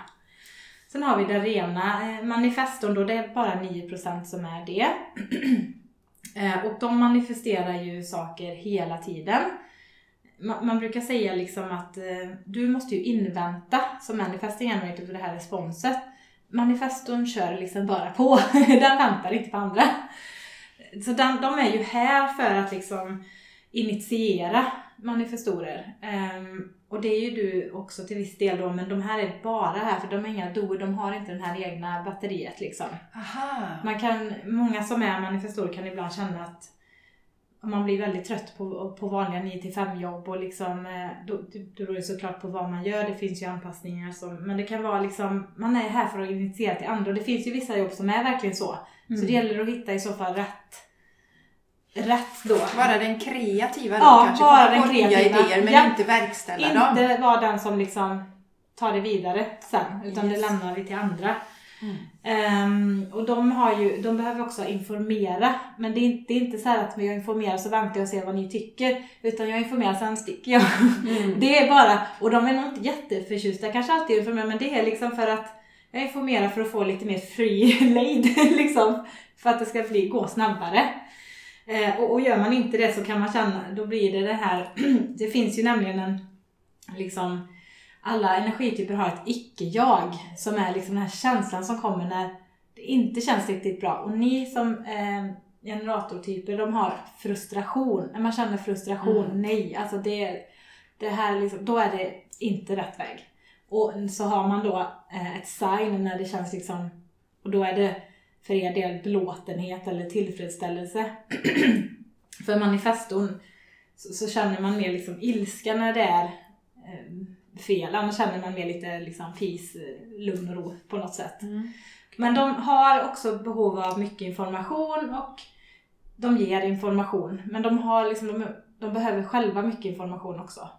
Men jag har ju till exempel en, en av mina barn som är manifester och det hon är ju stor tjej nu, 10 år så, men det är fortfarande väldigt mycket information. Mamma, jag tvättar händerna nu. Mamma, jag på toa nu. Mm. Mamma, jag... Alltså minsta lilla, ja, ja, lilla ja. grej. Och också jättemycket behov av information hela tiden. Um, så ja, det finns, um, men väldigt, liksom, väldigt uppfinningsrik, kreativ uh, på det sättet. Är manifestorer. Sen har vi projektorn och det är ungefär 20% som har um, den energitypen. Och då kan man säga så att de har ingen egen energi. Eh, sanning med modifikation, för det finns olika typer inom projektorn eh, lite undergrupper där vissa har en lite mer egen energi. Men, men man behöver alltså andras energi för att känna eh, liksom det här, eh, för att få fatt i den här doer-energin liksom. Man är här som projektor för att guida och rikta energi på olika okay. sätt. Eh, jag är ju projektor och det är liksom, ja man, man eh, man har som strategi som projektor något som kallas för vänta på inbjudan. Och det låter ju väldigt liksom långsamt. Passivt. Ja, passivt är känslan liksom. Låter passivt. Eh, passivt. Man, man, har, som projektor behöver man bli sedd för att våga, eller för att visa sig kan man väl säga. För att öppna upp sin visdom så behöver man bli sedd. Projektor, projektor kan liksom vara så här, men fråga mig en fråga, så här, sitta tyst och sänka så. Så kommer Vi jag säga svaret. först. Liksom så här. Ja, vill... Tänk först, säg. Ja. Ja, men- tänk sen. ja men jättebra. Jag tror att våran vän Maja är projektor också Mm. faktiskt. Ja, ja men det Och det är... här med motståndet att finnas på sociala medier Ja. och sånt där kan du. Jag Precis. Känner, Att, ja, exakt. jag har förstått, för Mm. jag såg det på din också, att Ja. du skrev någon gång att ja, men du hade gått någon kurs och du, och du fick ju tipset om att du Ja, behövde jag, jag synas fick också. coaching liksom, där det var så här, bara, jätte, jätte, jättefint visuellt varumärke men eh, var är du här? Liksom, alltså, så här, bara, Vem är måste, du? Måste jag synas också? Lite så. Alltså, Men det, eh, det kan jag tänka på faktiskt, det är ju en parentes, men på vissa sådana här Mm. sidor som man följer. ehm, att det bara är olika upplägg om olika saker och man ser aldrig personen bakom. precis. Nej. Och man vill Och då ju blir man ha lite såhär, vad är det? Ja, exakt. Exakt. man Så det är intressant. Jag Ja. såg också den när du la upp Ja, den. Och då tänkte jag, ja men det är ju sant, du gör jättemånga fina, Ja, kloka precis. inlägg och intressanta och så. Men vem är den här Mm. Personen Ja. liksom? Och nu visste egentligen- vi att det var du, men... Ja, det visste ju vi. Det var ju bra. Men, Nej, men, eh, men precis att jag behöver liksom bli sedd för att liksom blomma upp eller Ja. våga liksom komma till uttryck och Ja. få den här inbjudan då om man säger så. Då Mm. är det liksom inga problem. Det är inte så att man är tillbakadragen och tyst behöver man inte vara. Men man behöver liksom någon som jag uppskattar ju till exempel om man är i en, i en grupp eller så där jag inte leder, för då tar jag den rollen. Ja. Men om jag är deltagare och så här, ja då ska vi dela lite, då är det väldigt bra om någon, "Va- vad vill du dela? Då det. pratar jag på Ja. gärna. Men får jag inte liksom det där, Nej. då har jag mycket svårt, det sitter så mycket liksom, nej det känns väldigt fel för mig. Det Liksom, var på inte så att du kom till oss och frågade om du Nej. fick vara med på podden, Nej. utan vi kom till dig och Ja, då märker vi att det funkar. Exakt! Det är precis så verkligen. Ja. Och då, det, man får hitta sitt sätt lite där, för det kan ju som sagt låta väldigt passivt. Ska jag vänta på inbjudan liksom och bara sitta här? Utan, Jag sitter här På kammaren. och väntar. men min, jag försöker ju mer då liksom att, att man får ju visa sig. Här, Yes. Min intention, här finns jag och liksom så här. ehm, om, om vi pratar om ett företag till exempel. Det här har jag liksom så, här, så att man visar sig på olika sätt. Mm. så, så får man svara an sen på inbjudan. Och det är inte att man ska tacka ja till allt heller, utan det är ju det som, som man känner sig connectad till, man ska tacka ja, Ja. till. Ja. Men det är viktigt att inte bara sitta passiv och inte göra något. Ja. Det är inte det det handlar om. Liksom. Och du kan till och med eh, liksom vara mer drivande att ta kontakt kanske, men men att du tar kontakt och säger så här, ah, hej hej, jag är där, jag, och liksom, jag gör det här och det här. Ehm, och sen kanske du inte säger så mycket mer. Då ligger det lite hos nästa då om, ah, nej men, ja men det verkar intressant. Ska vi träffas och vad man nu ska göra? Liksom. Mm. Till exempel så. Mm. Så man får ju hitta lite, sitt Ja. inte och vänta på ett inbjudningskort på, i brevlådan i alla fall. Nej, nej, rekommenderar jag inte för det blir väldigt, väldigt passivt. Men och, och känner man sig inte ehm, liksom sedd som, som projektor så, så kan man landa i den här känslan av bitterhet. Aha. Då blir man mer bitterhet, den här liksom känslan av det. Och vi ska ju ha, när vi känner att vi är liksom rätt då, så är det känslan av liksom eh, success, alltså framgång. Och där ska vi liksom kunna sprida även till andra liksom den här känslan av det. Och det, ja, det tror jag är eh, något att ta, att ta fasta på också. Eh, och det är också som projektor att man behöver mycket frihet och mycket återhämtning. Så har man ett vanligt jobb att man försöker att få pauser, liksom då, för man har ju inte tillgång till den här eh, konstanta egna livskraftsenergin inom Nej. sig. Ehm, så att man, man inte bränner ut sig där. För det kan, många som är projektorer, de tror ju liksom att de, va? Jag tror att jag har varit en manifesting generator, tror de ofta. Ja. Eh, och liksom man har kört på. Och då förstår man kanske att ja, men det är inte riktigt menat att jobba på det sättet för dig. Alla energityper kan bli, om man tänker jobbmässigt, och bli framgångsrika. Så det har inget med det att göra, liksom att ah, nej, men den kan inte det eller så. Utan Nej, det är bara det att man behöver hitta sitt, sin väg dit. Liksom, som funkar för sin, med Mm. sin energi. Många, många projektorer gillar liksom, och jag tänker att det kanske är, jag trivs jättebra hemma. Det kan vara en av anledningarna liksom, att man gör det. Att man Mm. trivs bättre där. Mm. Mm. Men det är viktigt att tänka på det. Sen har vi reflektorerna, det är ju bara en procent som Oj. är det. Så då förstår ni hur få, få av den här typen det finns. Och det är lite synd, man hade velat träffa fler för att man får ju en mångfald. Om man träffar flera i samma typ så ser man ju bredden, hur det kan ta sig uttryck på olika sätt i olika människors liv. Man får inte möjlighet att träffa lika många reflektorer. Eh, men det är en väldigt spännande typ. De har ju alltså alla sina center öppna vilket betyder att man har ingen konsekvent tillgång till någon energi någonstans. Oj, Eh, så de är ju väldigt sensitiva. låter jobbigt. Ja, jag tror... ehm, ja, jag känner en reflektor. Men det är... ehm, jag tror att det är ehm, spännande och också utmanande Mm. på många sätt. De är ju här för att spegla oss andra. För att avtäcka sanningar, för att spegla, de speglar hela tiden den miljö som, som de befinner sig i. Hälsan i communityt eller liksom, eh, ja, på olika sätt. Så de kan ju sticka ut eller upplevas, kanske sticka ut väldigt mycket eller komma med sanningar som många blir väldigt triggade av och så. Och det kan ju vara jobbigt att bära den rollen till exempel. Ja. Ehm, men det är liksom det de gör hela, hela, hela tiden. Och för, för dem är det ju jätteviktiga med miljön, eh, var de är och man behöver också väldigt mycket att vara i sin energi för att eh, det är svårt att veta vilken som är min energi när man hela tiden överallt tar in andras eh, och speglar. Ja. Så gäller det då att, att befinna sig i sin miljö i trygghet och också mycket egen tid för att liksom veta vad är, vem är jag, var går gränsen i min egen energi liksom. Och de har ju lite, de här gaterna, där har man ju lite kon, eh, konsekvent tillgång till energi om man har några sådana definierade. Så där kan man hitta lite, lite eh, och ta fasta på då lite Ja. mer om man säger. eh, ja, Vad skönt för Ja, precis. Men Ja. gaterna blir ju viktiga. Ofta väldigt så passionerade över det, i det de gör på olika Mm. sätt. Mm. Ehm, och behöver liksom behöver prata också för att uppnå klarhet. Och de har ju då den här måncykeln i sin auktoritet då. Det är de som har den. Dessutom. Ja, dessutom. Så att den är nog inte... Den kan nog vara väldigt spännande, liksom otroligt sensitiv och tar in så mycket så Mm. starkt och speglar det så starkt. Men så samtidigt också väldigt utmanande. Mm. Eh, att ha såklart, kan man ju förstå.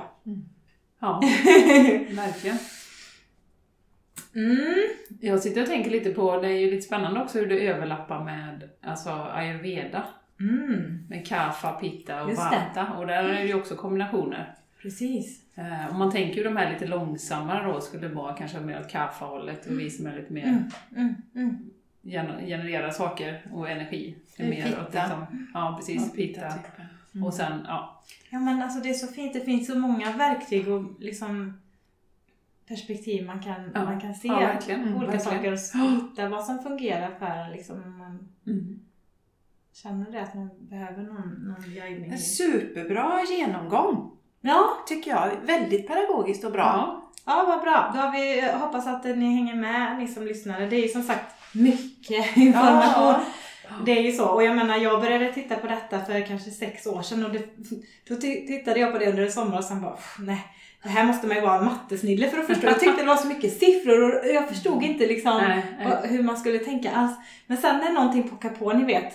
Ja. Ja. och sen följde ju på plats till slut ändå. Just Men det var min känsla så, så jag förstår er lyssnare om någon känner så nu att det, det kan kännas Du lite så. ju ta en paus och gå ut och gå Ja. och sen så får ni komma tillbaka. Men hur dök det upp i ditt liv och hur gjorde du för att fördjupa Ja. din kunskap? Läste alltså, jag, jag funderade på det. Ja, jag funderade på hur det dök upp i mitt liv och jag kommer inte ihåg det. Nej. Jag vet ju att jag hade en bok hemma, men hur jag liksom, hur jag fick tillgång till bok, alltså om jag, det var något jag aktivt letade efter eller om det var något jag bara, jag minns inte var det kom ifrån. Nej. Men det var ju liksom när jag var mammaledig i alla fall. Ja, så. Och jag tror, jag har ju alltid sökt mycket kring just det här med personlig utveckling och så, så att allt som hade med det att göra, det var ju liksom sånt jag gärna var inne på liksom på olika sätt, så det kanske inte var jättekonstigt att jag det kom väl över mig på något sätt. Men sen har jag ju läst mycket böcker, eh, lyssnat på många andra. Det finns inte så många i Sverige men det finns ju utomlands jättemycket att lyssna på. Eh, gått kurser, alltså ja, allt möjligt. Mm. Och det känns ju som eh, astrologin, samma sak där att ju mer man kan desto, mer, desto större inser man att det är och desto djupare kan man liksom Mm. gå. Så man, man lär sig ju nya saker hela tiden och man upptäcker nya saker om sin karta hela tiden och sådär. Mm. Så det är ju jättespännande att man liksom man kan, nog, eh, man kan nog lära sig mycket under lång tid och Ja. hitta nya vinklingar och Ja. så. Det tycker jag är spännande. Mm. Då har vi profilen som är den sista liksom, större biten som jag tänkte ta idag. Mm. Och eh, som också en del som kanske inte känner in sig i sin energityp kan lättare ta till sig kanske sin profil eller så. Men, men, eh, men profilen är ju eh, också en viktig del i, i designen. Man kan säga det om, på en del gratissajter så får man ju fram den här bodygrafen och sen får man också fram två spalter vid sidorna. Och då har vi, de som kan astrologi ser att det är planettecken och så där och noderna och, och så som finns där. Och så står det en massa siffror då också vid sidan av. Och så ser man att den ena spalten den är svart och den andra är röd. Ehm, siffrorna, det är ju de här som vi pratade om innan, um, gaterna som de är. Sen så finns det då sex linjer eh, som utgör en liten decimal där efter de här siffrorna och det är hur de här gaterna tar sig uttryck så att man kan liksom ännu mer få en vinkel på den beroende på vilken decimal man har där. Mm. och det är ju så eh, med human design, det sa vi inte i början, men det är alltså man använder ju sitt, sitt eh, liksom precis som de uppgifterna i astrologin, man behöver veta vart man är född och när och så. Eh, och, och sen får man då fram en avbild av hur himlavalvet såg ut när man föddes, det ögonblicket man föddes. Mm. Det bildar ena sidan, som jag sa, den som var med svarta siffror. Eh, personlighetssidan. Sen har vi den andra sidan som är röd, som man kallar för designsidan. Det är ett avbild av himlavalvet tre månader innan man föddes. Och då tänker man sig att den här svarta sidan, där har vi mer personligheten, våra mer medvetna egenskaper finns där. De här siffrorna då, de hamnar i den kolumnen. Och sen den röda som man kallar för designsidan, där har vi mer våra omedvetna sanningar. Mm. Eh, som kanske däremot andra är väldigt medvetna om många gånger att jo, men det har jag sett hos dig. Men kanske lite mer dolda för oss själva.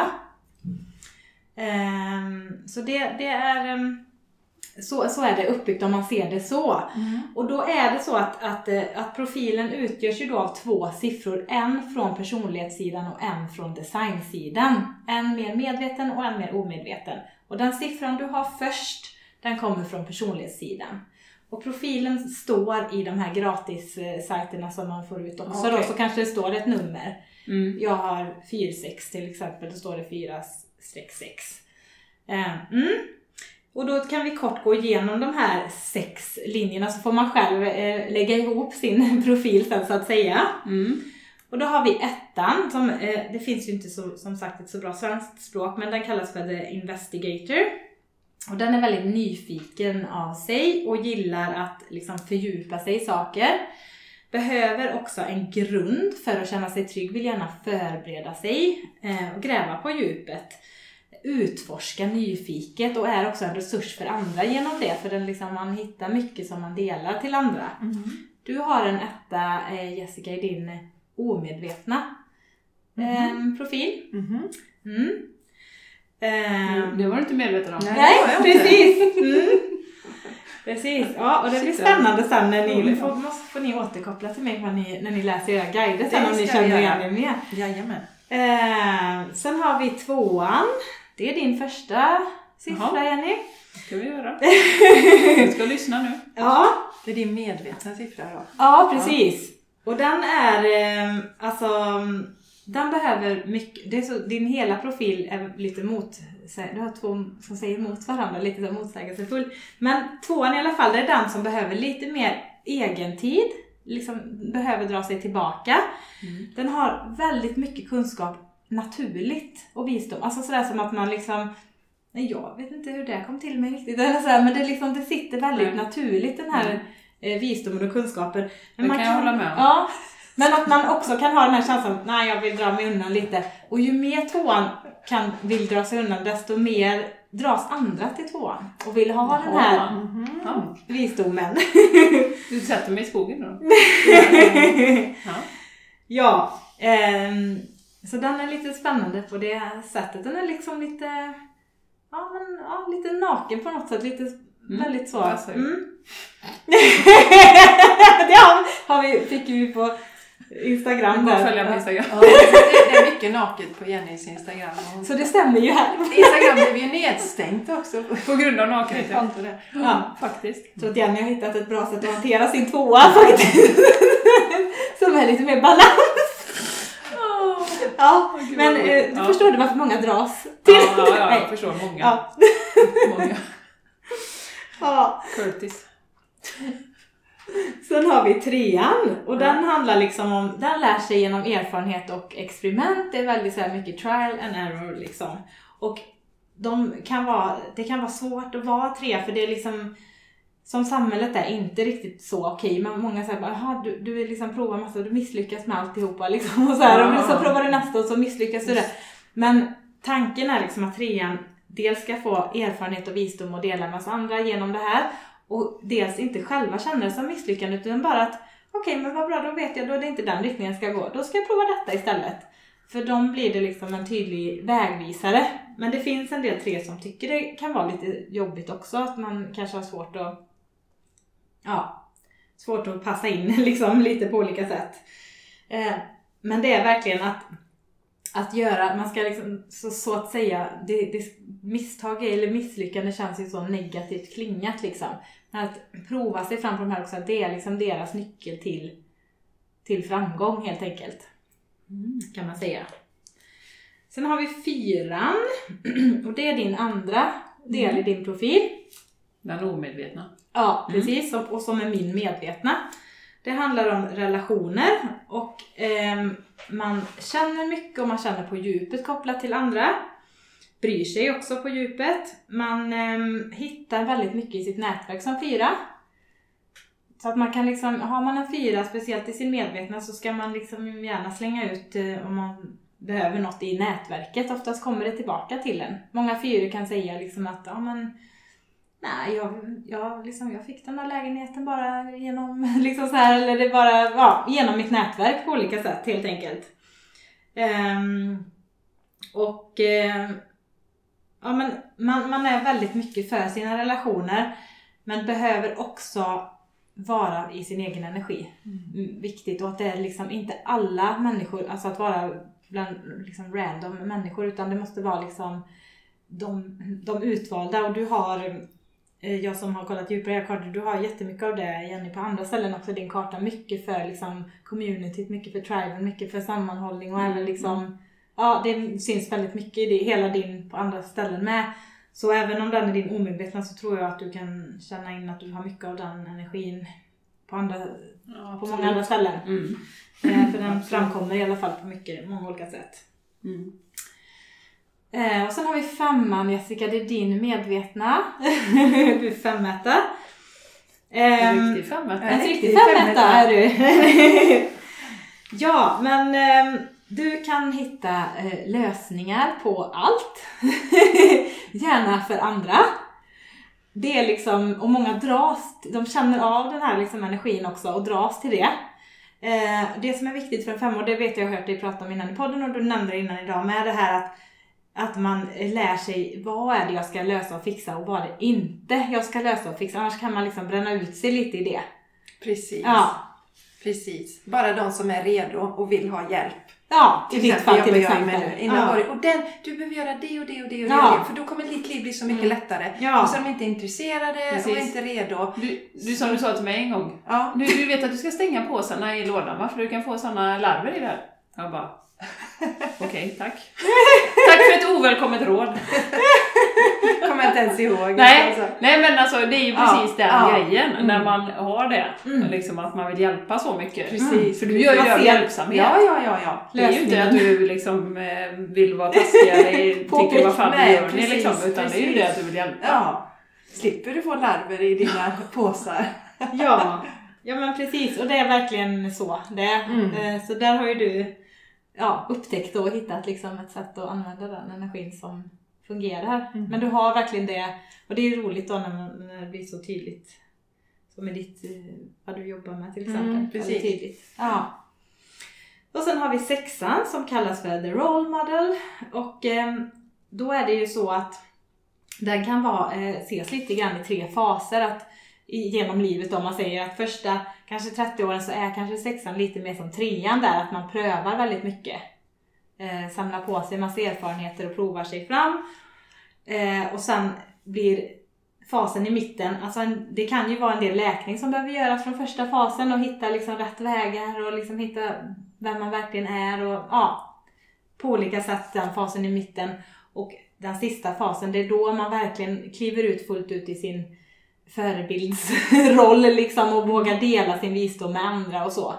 Eh, Men det kan vara många som har, jag har ju den här mer omedveten, många som har en lite mer, alltså först sin medvetna sida, de kan ändå säga att ja men Jo men jag minns liksom från tidig barndom att det var, jag fick liksom eh, ja, frågor kring saker eller liksom ja, många drog, kände ändå någon slags förebildsenergi kring, Mhm. kring dem Mm. Eh, tidigt. Liksom så. Kanske speciellt 6-2 år för då har man det här eh, naturliga visdomen som folk också dras till. Yes. Kombinerat med den här eh, Sex sexan då. så roligt. Femmeter, sex två. Ja! ja. ja kul. Men eh, ja. Ehm, som sagt, man får se lite. Men då kan ni förstå man, att man har en profil till sin energityp så, så tar ju den sig uttryck liksom. Då kryddar ju den den på olika vis. Även om man Klart. har samma så kan det bli Precis. väldigt olika här när man har olika profiler till exempel. Fast man båda kanske är generatorer eller så. Så, så tar det sig helt olika uttryck på olika sätt. Så att, ja, det finns ju mycket att, mycket att se helt enkelt.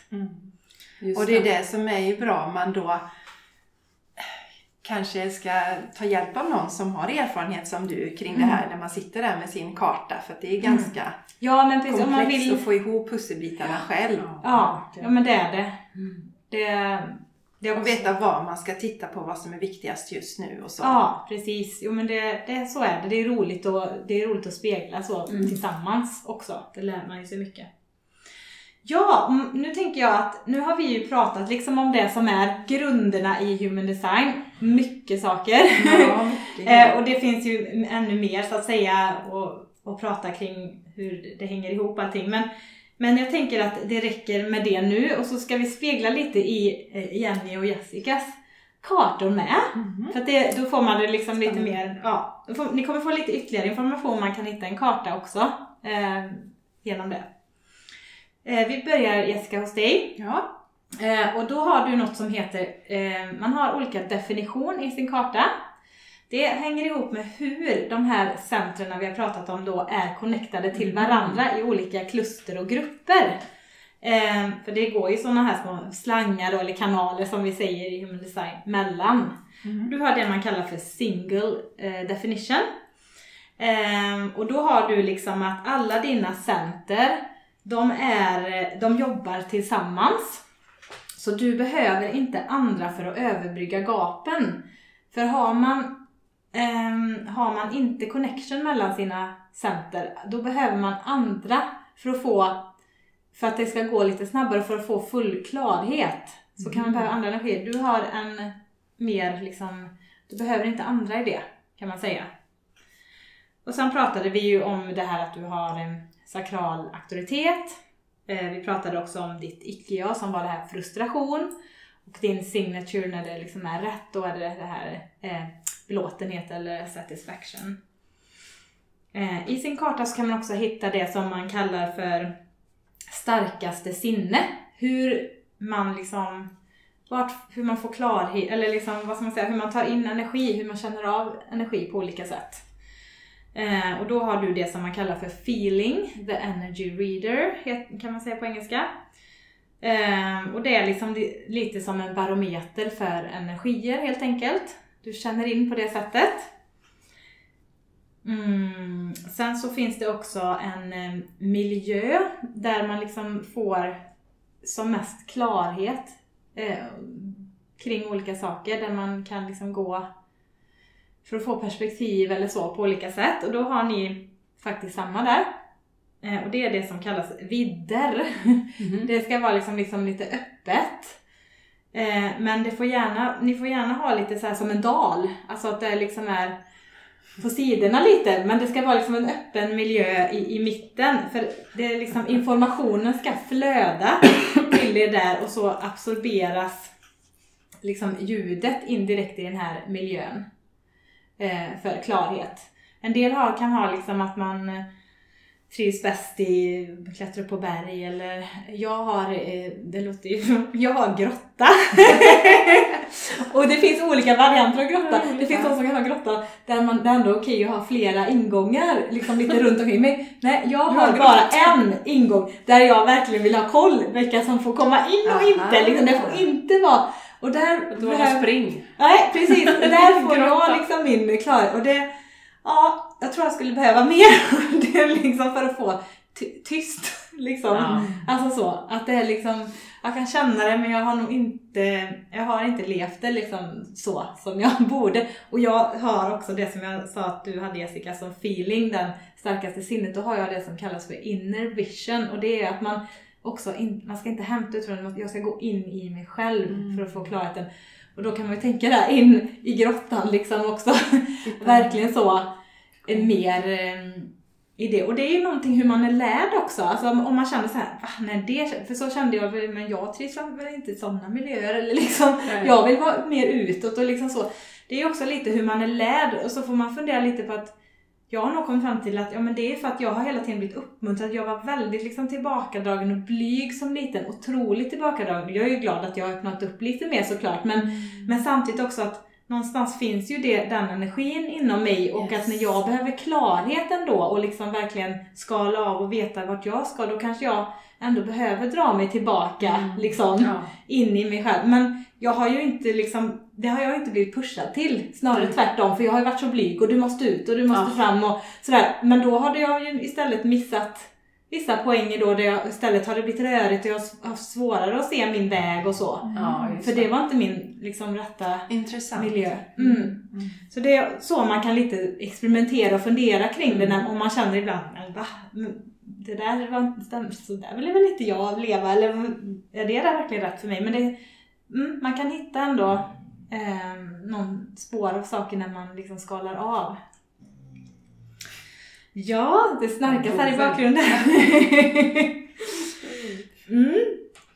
eh, sen så är ju eh, våran solgate också i, eh, för ni har sett att det finns då planeter, som jag sa, de här kolumnerna innan. Mm. Solgaten är en gate som har, alltså mycket av den energin finns i ens hela liksom, energi helt enkelt. Det är som horoskopshärskaren i, i astrologin, där är ju också liksom en övergripande energi. Lite så är det med, med solgaten här i, i human design också. Eh, och framförallt på personliga sidan. Och då Jessica så har du eh, gate 62 där och det är att du är jättebra på att anpassa dig i svåra situationer. Kan man säga. Eh, så den energin finns liksom ja, lite övergripande på så din karta kan man säga. Mm. Lite triage. Ja men precis. Kunskap så att säga. Ja, precis.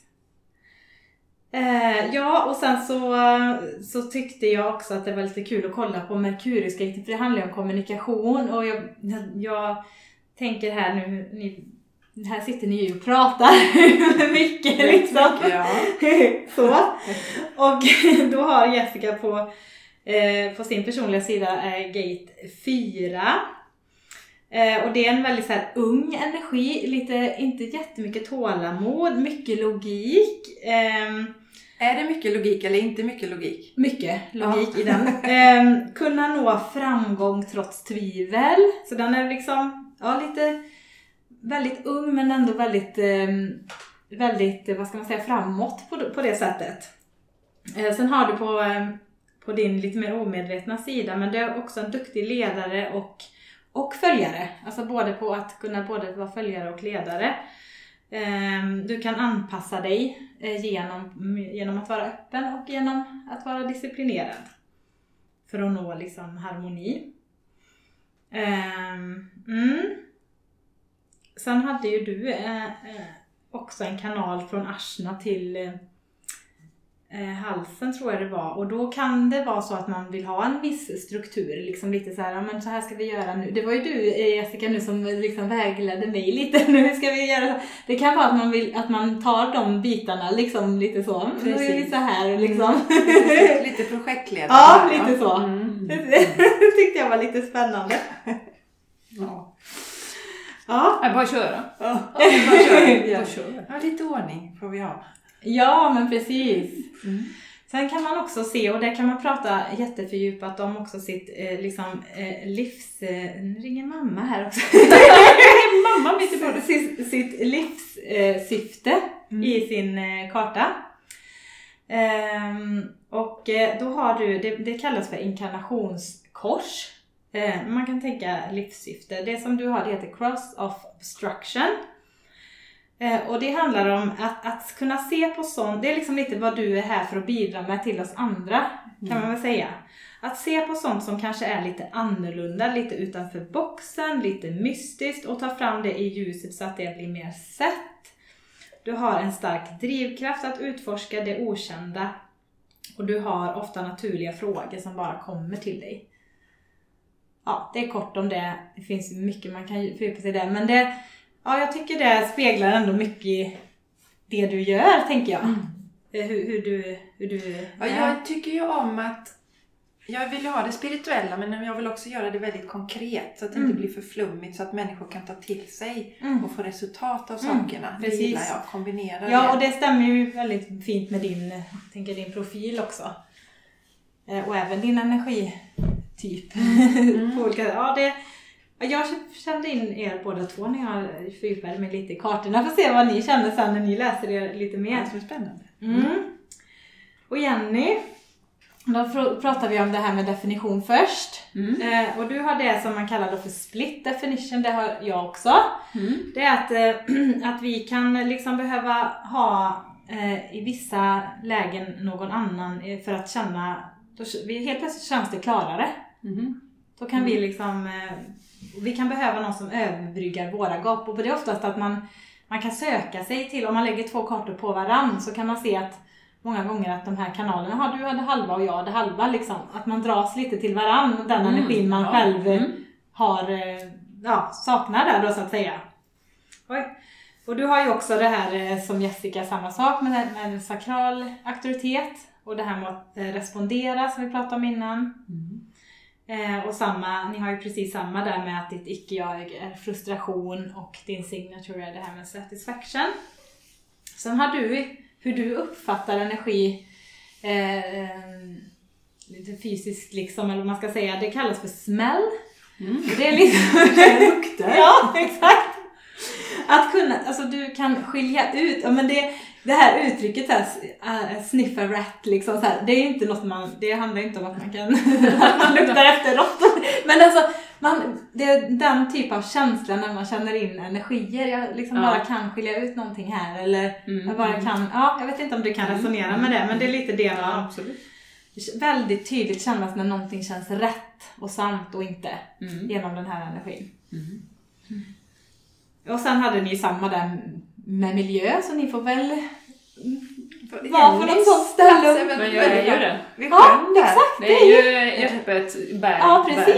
berg. Så att jag tänkte det direkt Det är precis. Det det. är ju helt rätt nu. Ja. Det är helt rätt för Ja. klarhet. Ja. Mm. Ja, det är ju verkligen så. Mm. Verkligen. Ja, härligt. Ja. Mm.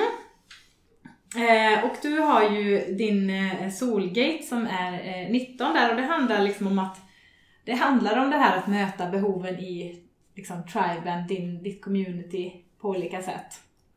Eh, du är bra på det helt enkelt. Eh, och eh, det kommer även igen sen i din, eh, ditt inkarnationskors.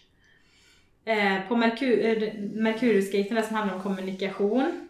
Det är också samma sak där, som jag sa, det finns i din karta överallt det här lite att försäkra sig om att eh, liksom, stammens behov är tillgodosedda. Liksom att allting funkar för alla och liksom Ja. i gruppen och sådär. Mm. Lite det.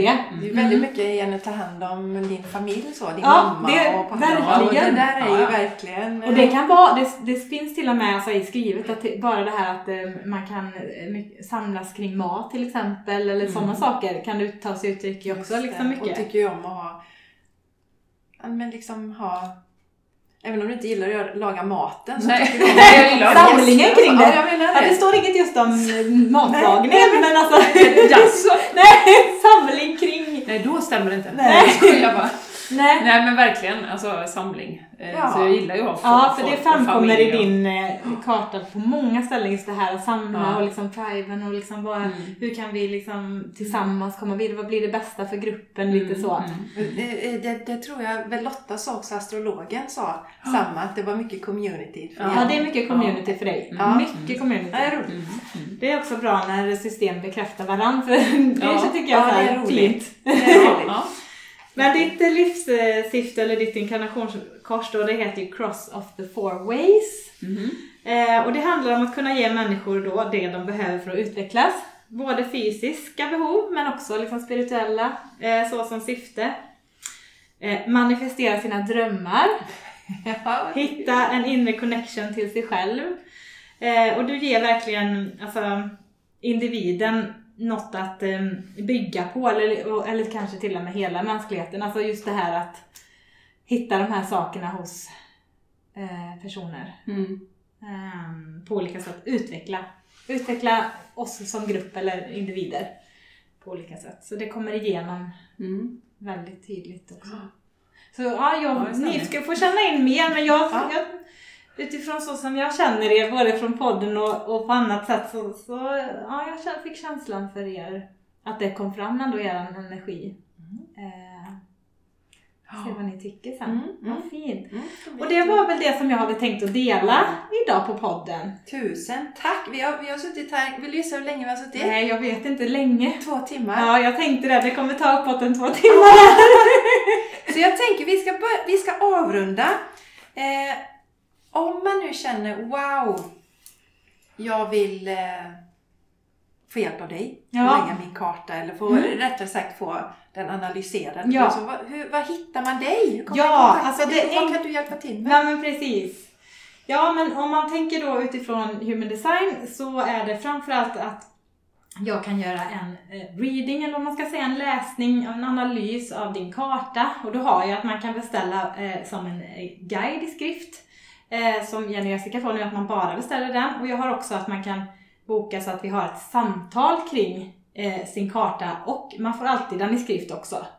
Eh, både och helt enkelt. Sen har jag också eh, coaching där man då, då tar man ju liksom inte hela kartan utan då, då kanske man är lite, lite insatt eh, eller man kanske har haft någon reading eller så och så vill man jobba vidare. Hur ska jag nu då omfamna min, eh, min design, min karta på Just olika sätt? Hur ska jag komma vidare? För nu har jag ju den här och liksom hur, och jag känner att det här området i mitt liv skulle jag vilja jobba med utifrån det här. Hur, hur skulle vi kunna göra med det?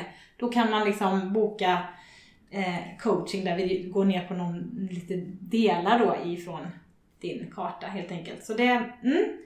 Och man hittar ju mig lättast på Instagram. Och då är ju indiesoul.se och så finns det en länk i profilen så kommer man till boka direkt och man kan ju alltid skicka DM med. Och jag håller på med en hemsida så det kommer komma en hemsida kanske innan sommaren där det Ja. blir lite mer. Instagram är ju lite ändå begränsat med information man Ja. kan skriva och få ut och så. Man kan liksom inte men, men att man har eh, något, någon plattform där man kan eh, få lite mer information om systemet och, och så kanske. Och Det är jätteinspirerande ditt konto. Där skriver du om- andra saker också. Ja. Men vi kommer ju länka till det Mm, i yes. anteckningarna till avsnittet. Och sen, sen eh, vill jag bara säga också att eh, tacka ju Johanna som ju Ja. faktiskt har den här butiken nu. Precis, Eh. ja vi har ju vi har ju den här eh, underbara lokalen som vi sitter i och den här eh, butiken som nu heter Rose Crystals där jag har mitt rum. och eh, ja, den Ja. finns ju att besöka här på Övre Kvarngatan i Borås. Precis, och så Yes. finns ju också Rose Crystals på nätet då som Ja. hette Sisters by Heart Ja. tidigare, eller på Instagram. Precis. Att, eh, Det kontot är kvar fast det har bytt namn så många kanske redan är inne och följer det. Det, det Ja, vet jag inte är det det, det, är samma, det är i alla fall samma butik ni som undrar. Och ja, det rekommenderas ett besök. Det har verkligen eh, kommit in mycket nytt. Ja, det är som en karamellbutik Ja, verkligen. här.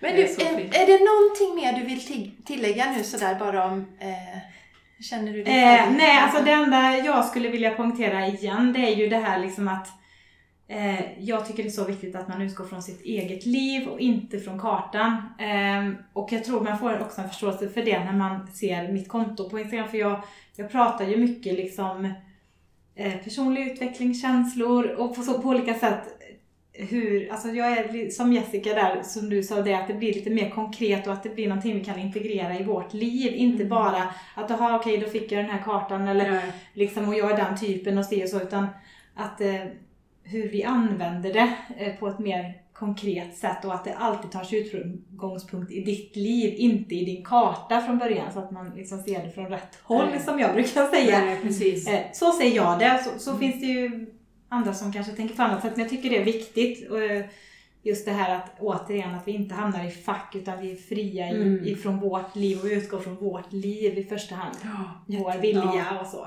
Mm. Mm. Ja. Ja, det har varit jätteintressant. Ja, det har varit jättekul att få vara här och berätta för er Ja. alla lyssnare. Och Och tack för att tittare. du gjorde våra kartor. Ja, det ska vi dyka ner i nu. Det ska bli Ja, det ska bli så jättekul. kul att höra sen vad ni Och ja, väldigt kände pedagogiskt tycker jag det var. Jag, jag, för jag har ju tittat lite på det, du har ju också gjort det Jenny. Ja, ja. Men det var mycket pusselbitar som föll på plats för mig nu. Tog Ja, slut. Precis. Någonstans det, efter- Det, det blir för mycket. Ja, Men jag tyckte just när du gick igenom, ja, det var jättebra genomgång. Ja, Superbra. vad bra. Hoppas det att det går att ta till sig Ja. lite lättare. Ja.